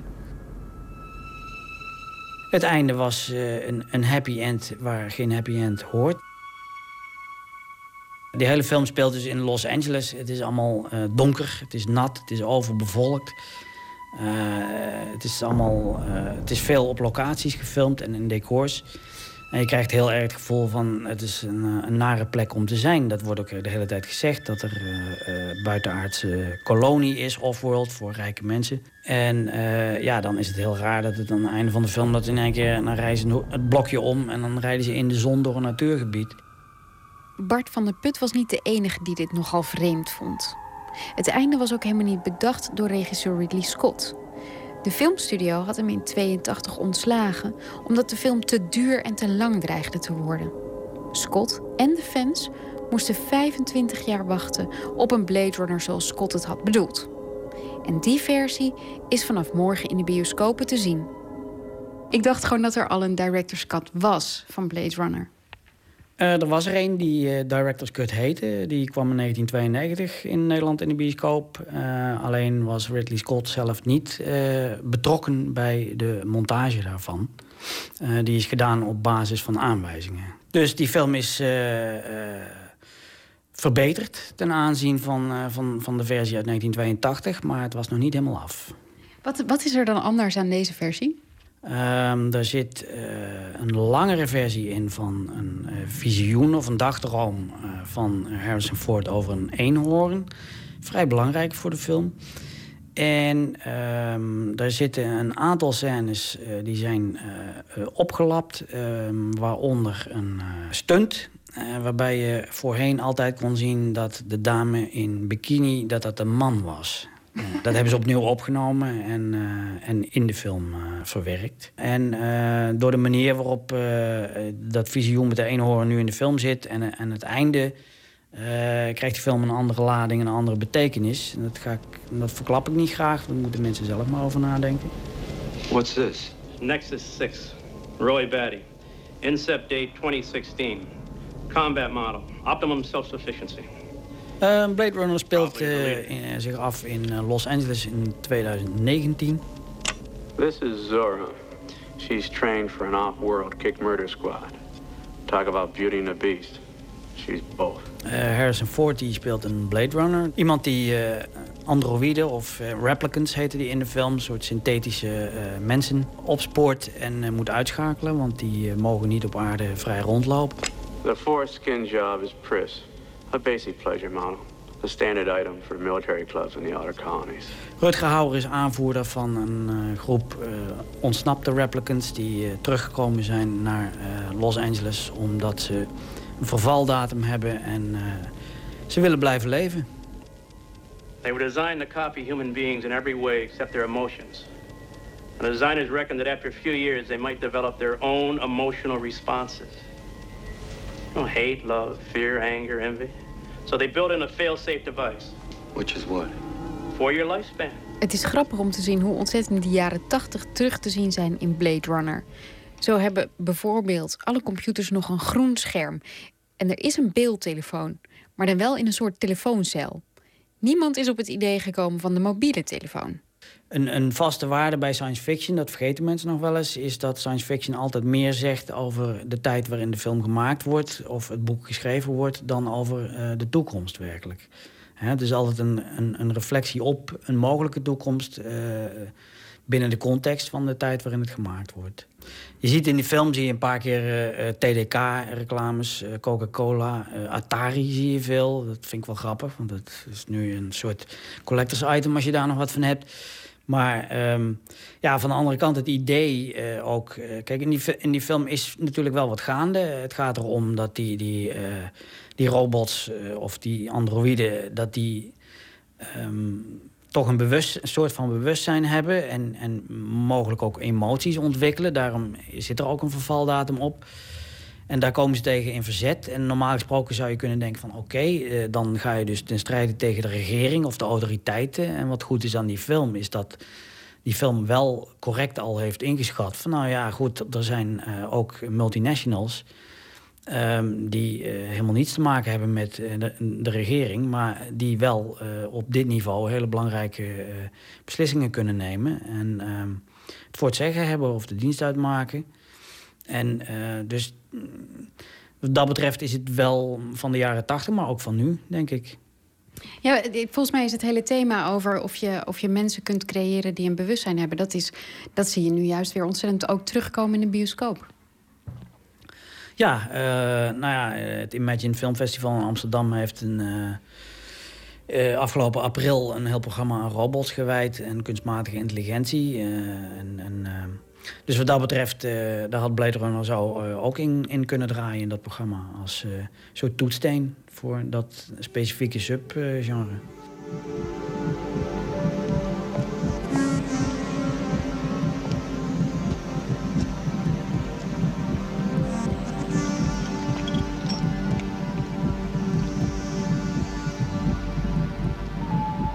Waarom is Blade Runner nog, nog relevant voor nu?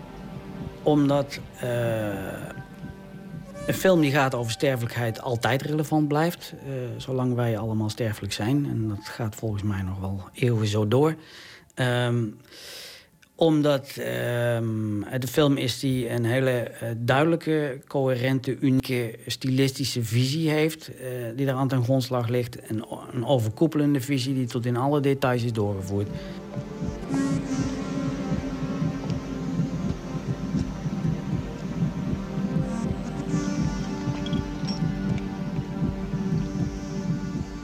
Maar het is ook een heel bedwelmende film in die zin dat uh, door de muziek, uh, de belichting, uh, een beetje de, de sfeer ook.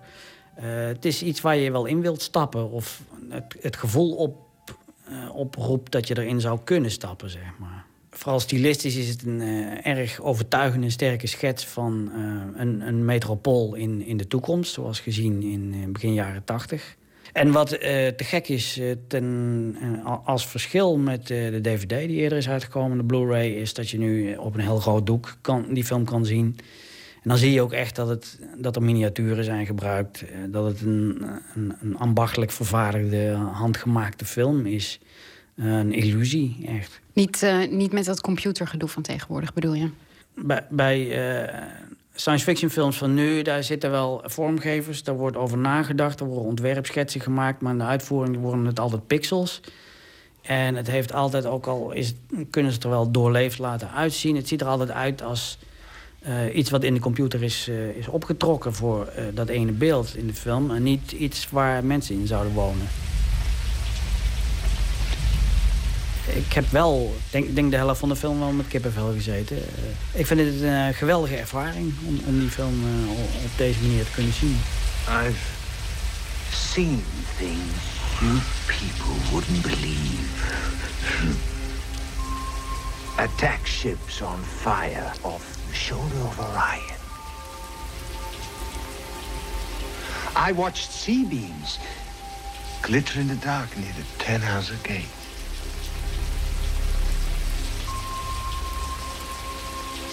All those moments will be lost in time. Like tears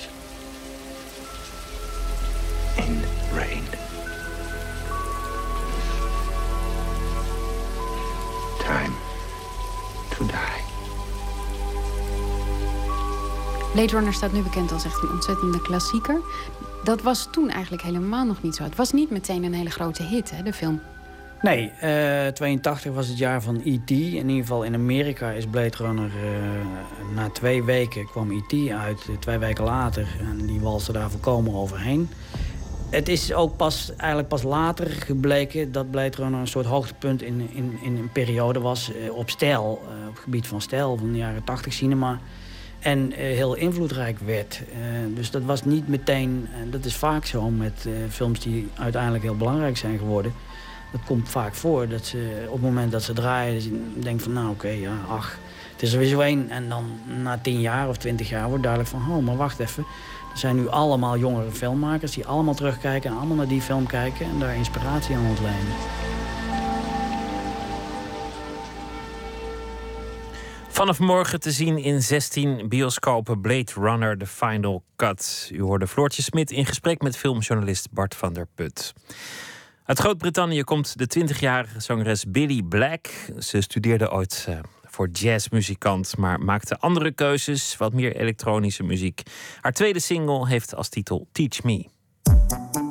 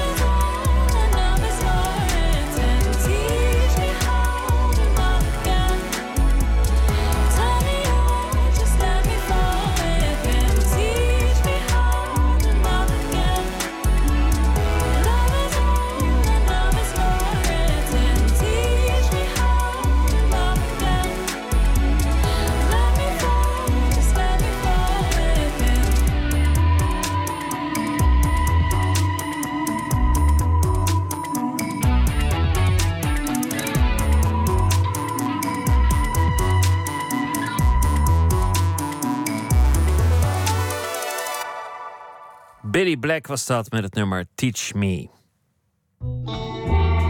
Nooit meer slapen. De godfather van de elektronische dansvloer popmuziek wordt hij al genoemd. Giorgio Moroder. Bij geen ander klonken de bassen zo diep en was uh, de drang om te dansen zo hoog. 75 jaar is deze disco-legende. En voor het eerst sinds 1985 is er een uh, nieuw album van Giorgio Moroder verschenen. Anton de Goede is uh, nachtcorrespondent en uh, vast ook wel disco-liefhebber. Anton, wat is Moroder precies voor man en waarom is dit een bijzondere plaat? Ja, dat zijn goede vragen. Moroder is een Italiaanse componist en muziekproducer. En laten we allereerst hier eens naar luisteren.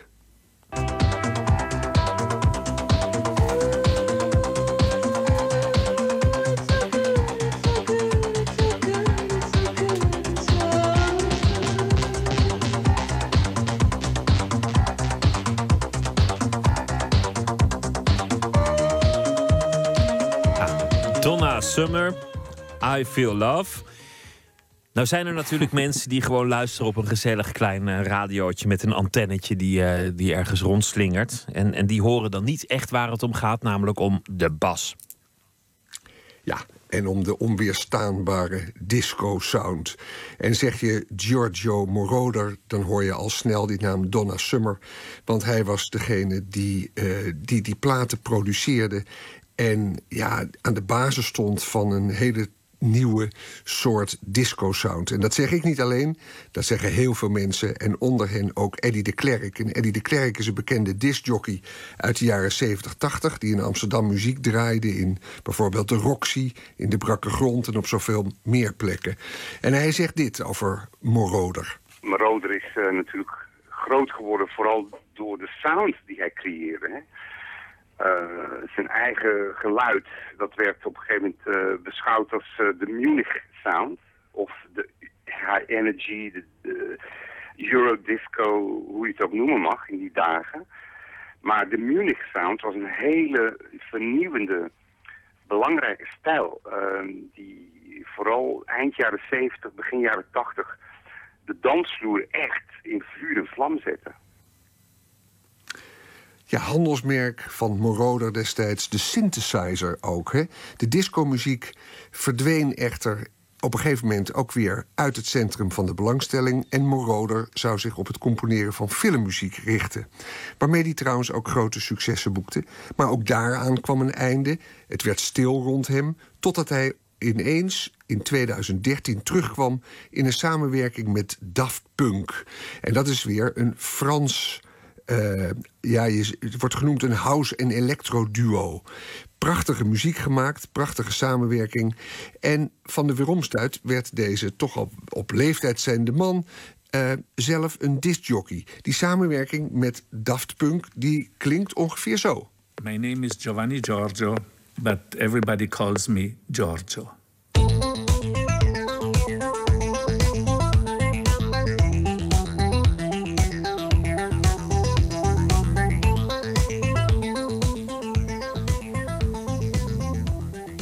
Ja, Daft Punk met uh, de Moroder Sound ge gecomponeerd. Het werd een hit. Ja, prachtige samenwerking. Als je daar goed naar luistert, dan verandert dat nummer heel erg. Uh, het duurt negen minuten en dan kom je ook in een andere wereld. Um, hoewel er ook altijd nog mensen zijn die zeggen... ja, die Moroder die dankt zijn populariteit ook een beetje aan het feit... dat men het camp Ja, wat is camp? Um, de man is natuurlijk uh, vooral um, bekend geworden als disco-producer. En ja, disco heeft nou eenmaal dat camp-imago. Maar uh, laten we wel wezen, de muziek die nu nog steeds gedraaid wordt van Marauder... steekt er met kop en schouders nog boven zelfs de meest uh, avant-gardistische producties uit. Hè? Die, die nu in de electronic dance muziek naar voren komen... Ik bedoel, daar steekt Marode nog steeds met kop en schouders boven. En uh, dat bewijst zich ook in uh, wat ik nu zeg, in de productie die hij gemaakt heeft met Daft Punk. Of Daft Punk heeft hem opnieuw ontdekt. En dat is toch ook een eerbetoon aan uh, het genre disco, maar ook aan, de, aan het fenomeen George Moroder. Laten we wel weten. En of hij nou camp imago heeft of niet, zijn muziek ontstijgt dat. Een nieuw album van Moroder. Dat is natuurlijk een gebeurtenis. De titel is Déjà Vu. De pers is nog niet echt heel lovend tot nu toe. Misschien, uh, misschien komt dat nog. Komen nog goede recensies. Kelly's doet mee. Sia, Britney Spears. Um, ja, ja, wat, wat, en, wat is te je, zeggen over het album? Valt het tegen? Nou ja, uh, vanochtend Menno Pot in de Volkskrant... die gaf een zuinige twee sterretjes.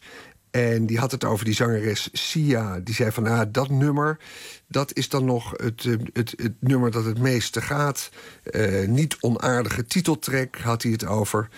Um, en laten we even luisteren voordat we de mening horen van de Moroder-fan Eddie de Klerk.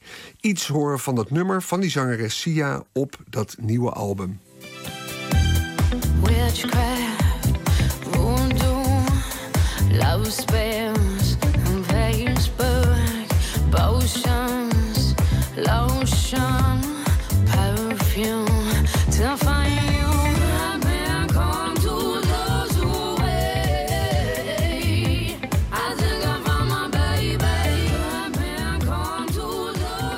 Ja, Pieter, ja, welke, wat welke, vind jij? Welke taal is dit? Enig idee? Ja, volgens mij is het toch eh, Engels, maar het is ook niet helemaal duidelijk. En zo Een oordeelde beetje ook München. Zout, München Zout Engels, zeg maar. Ja, ik Ja. vind het prima La- hoor. Oh, je vindt het prima. Nou, luister tot slot naar de mening van de grote fan Eddie de Klerk. Moroder is opnieuw ontdekt dankzij Daft Punk. En laten we wel wezen, dit is waarschijnlijk een soort cash in. En eh, ja, een beetje op de trein springen van eh, zijn hernieuwde populariteit. Je kunt het de man niet kwalijk nemen. Ik heb die track gehoord van Sia. Ik ben niet onder de indruk. Ik, ik dacht eerst dat het een soort van inzending was voor Roemenië voor het Eurovisie Songfestival, eerlijk gezegd. Want het klinkt zo goedkoop. Cheap. Ehm, en ik kan geen woord verstaan van wat, wat de vrouw zingt. Op een gegeven moment ben ik gaan zoeken naar de, naar de lyrics. En toen zag ik potions en lotion en eh, emotion. Het is een soort van, nou ja, luchtig niemendalletje, laat ik het zo zeggen. Potion met motion en dat, eh, dat rijmt op eh, emotion. Maar goed, desalniettemin, eh Moroder is natuurlijk wel in de hedendaagse popmuziek van enorme invloed. Ik bedoel, de, de- alles zou er anders uitzien in de dansmuziek als die man niet bestaan had. En niet daar vanuit eh, München de hele, het hele geluid van de dansmuziek ooit had veranderd. Nou ja, precies. En zo is ook het oordeel van Eddie de Klerk eigenlijk heel mild. En die zegt, ja, gun die man op zijn oude dag nou ook nog dat hij, eh, dat hij het te gelden maakt. Op NPR trouwens is een heel erg leuk interview te vinden met, eh, met de man, met Moroder. En daarin zegt hij ook van, nou ja, het is een hobby en ik vond het leuk om te doen. Maar hij ziet zelf ook dat het niet een enorm hoogtepunt is, heb ik het idee. En eh, ja, je moet een kunstenaar altijd beoordelen op zijn beste werk, vind ik. En eh, nou ja, dan is de moeite waard. Die, dat eerdere project van een paar jaar geleden, dat Daft Punk... als je daar naar luistert, dan eh, raak je onder de indruk... en dan zie je zijn grootheid. Trouwens, wat ik nog wou zeggen, Eddie de Klerk... de man die we hoorden, die gaat in de zomer op Radio 6... eh, vier keer Wilfried de Jong vervangen... En die horen we dan vier keer een uur lang platen uit zijn collectie draaien. En daar verheug ik me op, want Eddie de Klerk is eigenlijk voor Nederlandse begrippen dan weer een soort legende. En die hebben we jarenlang niet gehoord. En die komt op eh, zaterdag 22, zondag 23, zaterdag 29 en zondag 30 augustus bij de VPRO op Radio 6. Nu dat nog bestaat, wou ik het even zeggen. Dankjewel, eh Anton de Goede. Toch een eh, leuke verrassing dat, dat jij ook van de disco bent. Had ik niet gedacht. Vind ik leuk. Nou, op die vraag ben ik, daar ben ik een beetje omheen gegaan. Want ben ik nou een grote disco-fan? Ik weet het niet. Maar Donna Summer vond ik geweldig. Was ook geweldig. Dankjewel, Anton. Goeienacht. En van de disco uit München gaan we naar eh, Canada en naar de West Coast. Neil Young heeft een nieuw album. Hij is eh, al een dagje ouder, maar kan zich ook nog eh, lekker kwaad maken over allerlei dingen die gaande zijn in de wereld. En dit keer maakt hij zich druk over Monsanto. Het eh, meest gehate bedrijf ter wereld lijkt het inmiddels wel. Vanwege iets met biotechnologie. Je hoort het hem zingen. Monsanto, Monsanto, let our farmers grow what they want to grow. Rockstar bucks coffee shop. Hier is Neil Young.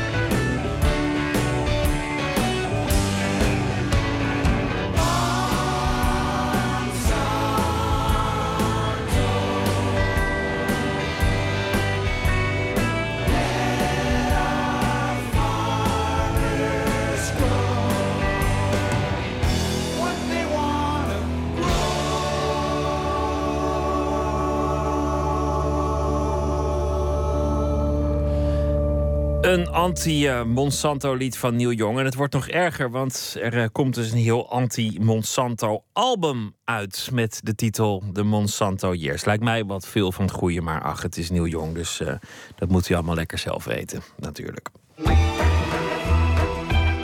Nooit meer slapen. De financiering is nog niet helemaal rond, maar 3 oktober moet het project eh, af zijn. The Relativity of Matter. Een installatie van filmer, fotograaf en beeldend kunstenaar Levi van Veluw. Te zien in het pand van Marres, een eh, centrum voor hedendaagse kunst in Maastricht. Het klopt niet helemaal dat het in het pand te zien zal zijn. Het eh, neemt gewoon eigenlijk het hele pand over, zo'n installatie. Er is geen Marres meer. Al Levische spullen die zullen het eh, overnemen. Het hele pand eh, zal er door beslagen worden. Het is eh, alleen nog maar de relativity of matter, kortom. Matthijs Deen die ging langs in Zaandam, want daar staat het kunstwerk momenteel in de stijgers. Ik zal even het licht aandoen. Ja, want we gaan een zeer duistere ruimte in. Overal natuurlijk allemaal aan het opbouwen. Verspreid door de loods van een voormalige munitiefabriek langs het Noordzeekanaal staan wat eruit ziet als houten containers. Ze hebben precies de afmetingen van de vertrekken, gangen en zelfs een trappenhuisje van het pand van Mares in Maastricht. Hier bouwt Levi met een paar medewerkers aan de totale gedaantewisseling die het pand van Mares in oktober zal ondergaan. Wat ben jij aan het doen? In de nagebouwde vertrekken staan stellages met meer of minder netjes opgeslagen eenvormige objecten, allemaal antracietgrijs of zwart. In andere vertrekken is alles in puin gevallen.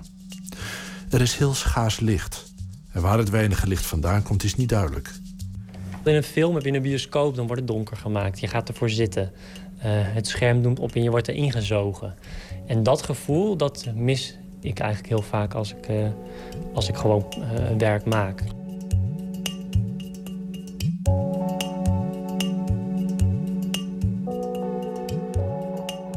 We staan in het duister met elkaar te spreken. Het... Ja, het mooie is dat je er straks ook in principe niet met z'n tweeën ingaat. Dus als je er straks, je moet er straks in je eentje doorheen. Maar ik zal even vertellen, van wat het idee is. Eh, dat pand, dat, ik dacht van ja, dat, ik moet dat werk. En ik had natuurlijk werk gemaakt en dat is fotografie en film. En eh, dan maak je die installaties en dan film je dat en fotografeer je het. En ik dacht, toen het eenmaal dan, dan staat in zo'n set... dan denk je van ja, eigenlijk wil je het gewoon echt. Wil je er gewoon echt in, in die wereld. Ik bedoel, je ziet die foto en die sfeer... en dan moet je je inbeelden dat je daar eigenlijk bent. Want dat doe je dan. Maar ehm, ik dacht van ja, wat zou het mooi zijn als je dan het museum inloopt... en dan ben je er gewoon in. even kijken voor de snoeren, want we zijn nog niet wakker. Het idee was om het hele pand te transformeren. Dus er is niet meer Mares die toont dat er iets aan hun muur hangt of in hun ruimte staat. Maar Mares is het werk. Snap je? Het gebouw is wat het is. Dus je komt binnen en daarna ben je er gewoon in. Maar als we kijken als we Kijk, de manier van hoe je het werk ervaart wordt compleet anders. Dus je bent niet meer een, bes- een, een- je, be- je beschouwt het werk niet meer met een afstand, maar je staat er zelf in en je moet je er ook eh, toe verhouden. Is het dan al een kunstwerk als er geen bezoeker is? Nee. Of is het pas een kunstwerk als er een bezoeker is? Ik denk dat het pas een kunstwerk is als, als er een bezoeker is. Want dan is er iemand die het ziet. Zolang niemand erin gaat, is het er ook niet. Ben jij een beetje een controlfreak? Ehm, nou, op een bepaalde manier wel, maar ook weer helemaal niet. Ergens ben ik gewoon heel chaotisch en ik ben totaal niet eh, netjes of eh, eh, super gestructureerd. verre van eigenlijk. Maar het, hetgeen wat ook eh, onderdeel is van de thematiek waar ik mee bezig ben, is juist dat je die wel eh, het graag wil controleren in je leven. Ergens heb je natuurlijk de drang om een soort rust te creëren door dingen te structureren. En dat is ook waar dit werk eigenlijk heel erg over gaat. Dus zoals je, je begint eigenlijk in deze kamer en dan zie je al die kastenwanden. Ja. En die kastenwanden staan voor mij heel erg symbool voor de mens die probeert om eigenlijk dingen te ordenen. Dus je kan er iets in opslaan, je kan het bewaren, je trotseert de zwaartekracht. Eigenlijk alle, ja, alles eh, van wat er normaal zou gebeuren, dat hou je tegen en het blijft allemaal netjes op zijn plek. Ja, het- het zijn dus allerlei schappen. En die schappen zijn in feite de mogelijkheid tot orde. Maar als Ja. je kijkt wat er op die schappen ligt, Ja. dan is dat weer wanorde. Maar het is onze logica van wanorde. Oké. Want als je natuurlijk naar een, eh een bewijs, je kijkt naar een gesteente, wat, wat hier soort van ingroeit, Ja. dan dat gesteente, als je daar goed op inzoomt, dan bestaat dat ook weer allemaal uit symmetrische eh, eh, elementen. Ik bedoel, de, in, en als je op sneeuw inzoomt, zie je ijskristallen. Ik bedoel, dat zijn soort, dat zijn soort, soort ultieme perfectie. In elke wanorde schuilt een orde. En in elke orde schuilt een wanorde. Het ligt eraan hoe je ernaar kijkt. Ja, het, gaat ook, het gaat ook op het niveau waarop je erop inzoomt. Oh ja. En, ehm, maar het gaat er ook heel erg over hoe, die, hoe wij als mens eigenlijk een soort logica hebben verzonnen... Hoe, ehm, hoe het in onze hoofd een soort rust creëert. Dus voor ons is het prettig als het eh, op een bepaalde manier iets recht is. Of, dus die, die soort worsteling om iets recht te maken en om het eh, te, te ordenen, dat vind ik heel mooi.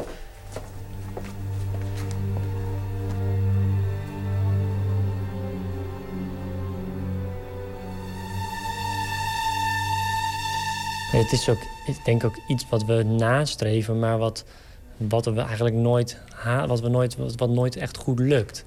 Dus hoe, hoe recht je het huis ook probeert te bouwen, bij wijze van, het is nooit recht.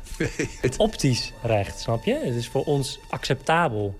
Maar het, eh, als je het, het, het is natuurlijk, die worsteling zit hem overal in. Bedoel, je, het is gewoon wel boeiend of zo van waar die drang van ons ook dan vandaan komt. En dat relateert natuurlijk heel erg naar mezelf, van hoe ik dit werk ook maak, maar ook hoe je met alles, om je, alles in de wereld om je heen eh, mee om probeert te gaan. Van ja, waarom heb je die drang eigenlijk?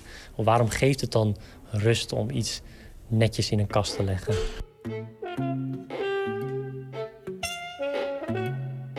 Je moet het zeg maar geloofwaardig overbrengen. Iets wat totaal onwerkelijk is. En dat is heel moeilijk. En in een foto en een film accepteer je het. Ik bedoel, als je naar een film gaat met elfjes en, eh, en monsters... dan eh, zit je erin en dan geloof je dat die bestaan op dat moment. Maar als je het echt maakt, dan in één keer is alles nep. Snap je wat ik bedoel? Ja, dus ja, hoe het echt maken het, e- iets echt maken wat ook eh, gevoelsmatig echt overkomt, is vele malen moeilijker dan het medium met een medium, eh, als er een medium tussen zit als fotografie of film. Ik probeer Je neemt even- jouw wereld echt enorm serieus... en iedereen moet daar ook helemaal zichzelf in kunnen verliezen. Ja, dat is wel de bedoeling. Dat is wel heel moeilijk, omdat de meeste mensen gewend zijn om heel beschouwend naar eh, kunst te kijken. En het niet heel di- ja, niet direct tot zich te laten komen. Dus hier word je gedwongen om daar onderdeel van te worden. Ook mede doordat ik wil dat mensen in hun eentje hier doorheen gaan. Of in ieder geval de mogelijkheid krijgen. Zodat ze niet gaan lopen eh, kletsen. Je hebt wel eens van die mensen in de bioscoop die dan de hele film gaan bespreken tijdens de film. En dan maak je hem niet echt mee. Of bijvoorbeeld mensen die in een concert staan en het concert gaan filmen door hun iPhone. Snap je? Dan ben je het, ben je het ook niet aan het meemaken.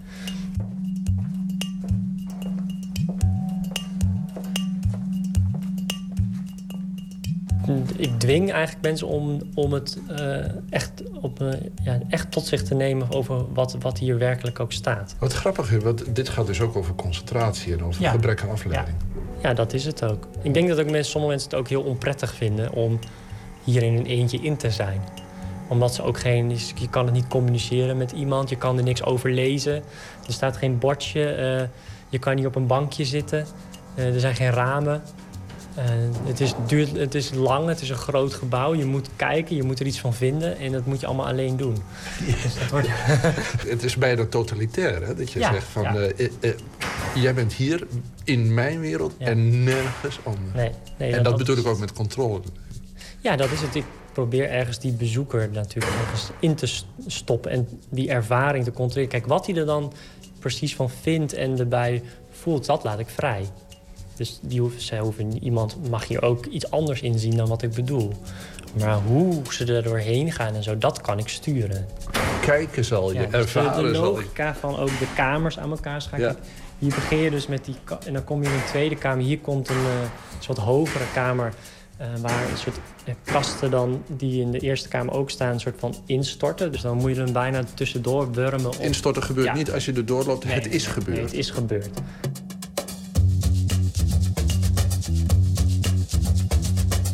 Kijk, ik zie heel vaak installaties ook op Art Basel. En dan ben je nog steeds in een grote hal. En dan loop je een hokje in en dan loop je een hokje weer uit. Ja. En, dan, ja, en nu is er gewoon alleen maar een ingang en een uitgang. En je bent gewoon niet meer in het museum. Dus er zijn, er zijn twee momenten, namelijk dat je van de straat het gebouw ingaat.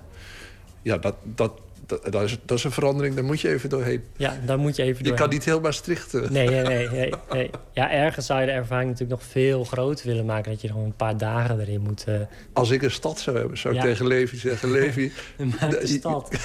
je hebt van mij, krijgt van mij een stad. Nou ja, dat is natuurlijk wel, het zou wel mooi zijn als hierna een soort project uitvloeit... waar je natuurlijk nog veel, in wat je nog veel intenser kan maken. En, Nou ja, er zijn dorpen zat eh, in Ja. Europa die verlaten ja, zijn. ja. Kijk, dat, zou je, ja, dat zijn allemaal wel ideeën die natuurlijk opkomen als je dit aan het maken bent. Ja, dat kan me voorstellen. Is het ook het werkpand van Mares? Eh, ja, volgens mij wel. Maar die kamers, de kantoren gebruik ik natuurlijk niet. Oh, Oké, het zijn er gewoon expositieruimten. Het zijn eh, de, de expositieruimtes ja, die, eh, die we helemaal gebruiken. En, ehm, ja, en wa- wat ook nog wel heel leuk is om te noemen... is dat we zijn nu ook nog zo'n crowdfunding project gestart. En dan proberen we mensen ook echt te betrekken bij het project. Dus we bieden ze ook aan dat we nog hier in het atelier kunnen kijken. En eh, ja, dat doen we samen met Voor de Kunst. En dat vind ik zelf ook wel belangrijk... dat mensen onderdeel worden ook van het proces... en daar ook eh, aan mee kunnen doen en daar ook... eh, ja, het kunnen steunen. Ik bedoel, het is... Ja, jij gaat 3 oktober open, dus Ja. het kan niet afhangen van de, hoeveel geld je ophaalt. We moeten nog opslag regelen en het transport. En eh, ja, het is nog een hele hoop werk, maar we hebben er gewoon vertrouwen in dat het gaat lukken. Ja, dat Dus zal wel moeten. Ik heb het risico nu genomen om het maar gewoon te gaan doen. En als je op safe speelt, daar zit niemand op te wachten.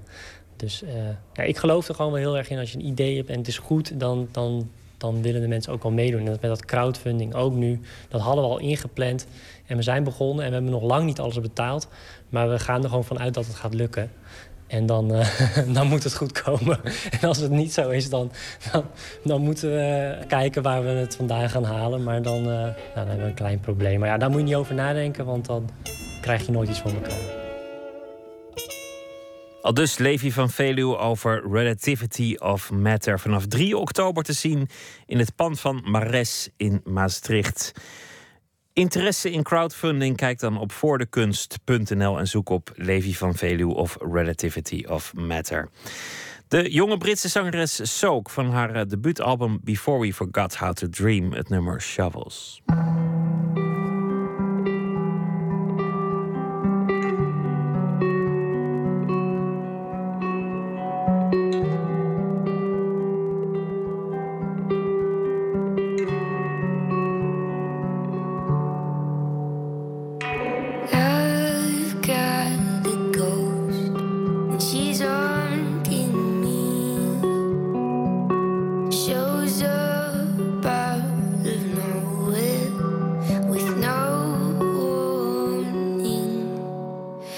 She sits at the next table.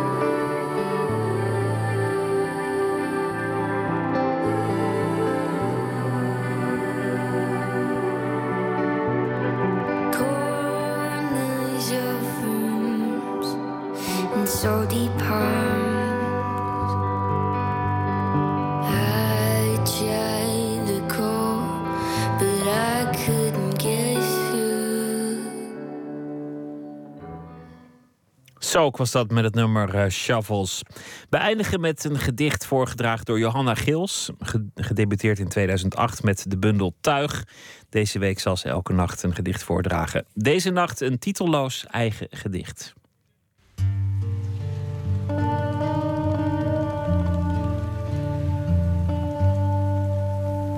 Dit gedicht komt uit mijn nieuwe bundel Vuurmakers, die in januari 2016 verschijnt.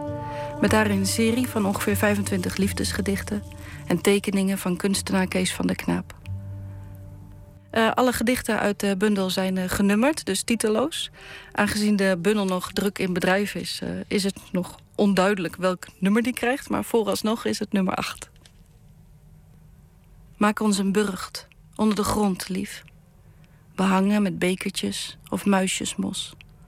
En zacht gesponnen worteldraden, waar radioactieve zwijnen met koplampogen door onze takken bedspijlen heen fluisteren dat deze grond gedeeld mag worden, mits wij elkaar afpellen, genadeloos strippen, zoals je schors van bomen trekt, het schild van oliekevers klauwt, meisjesmaagden op hun buik draait.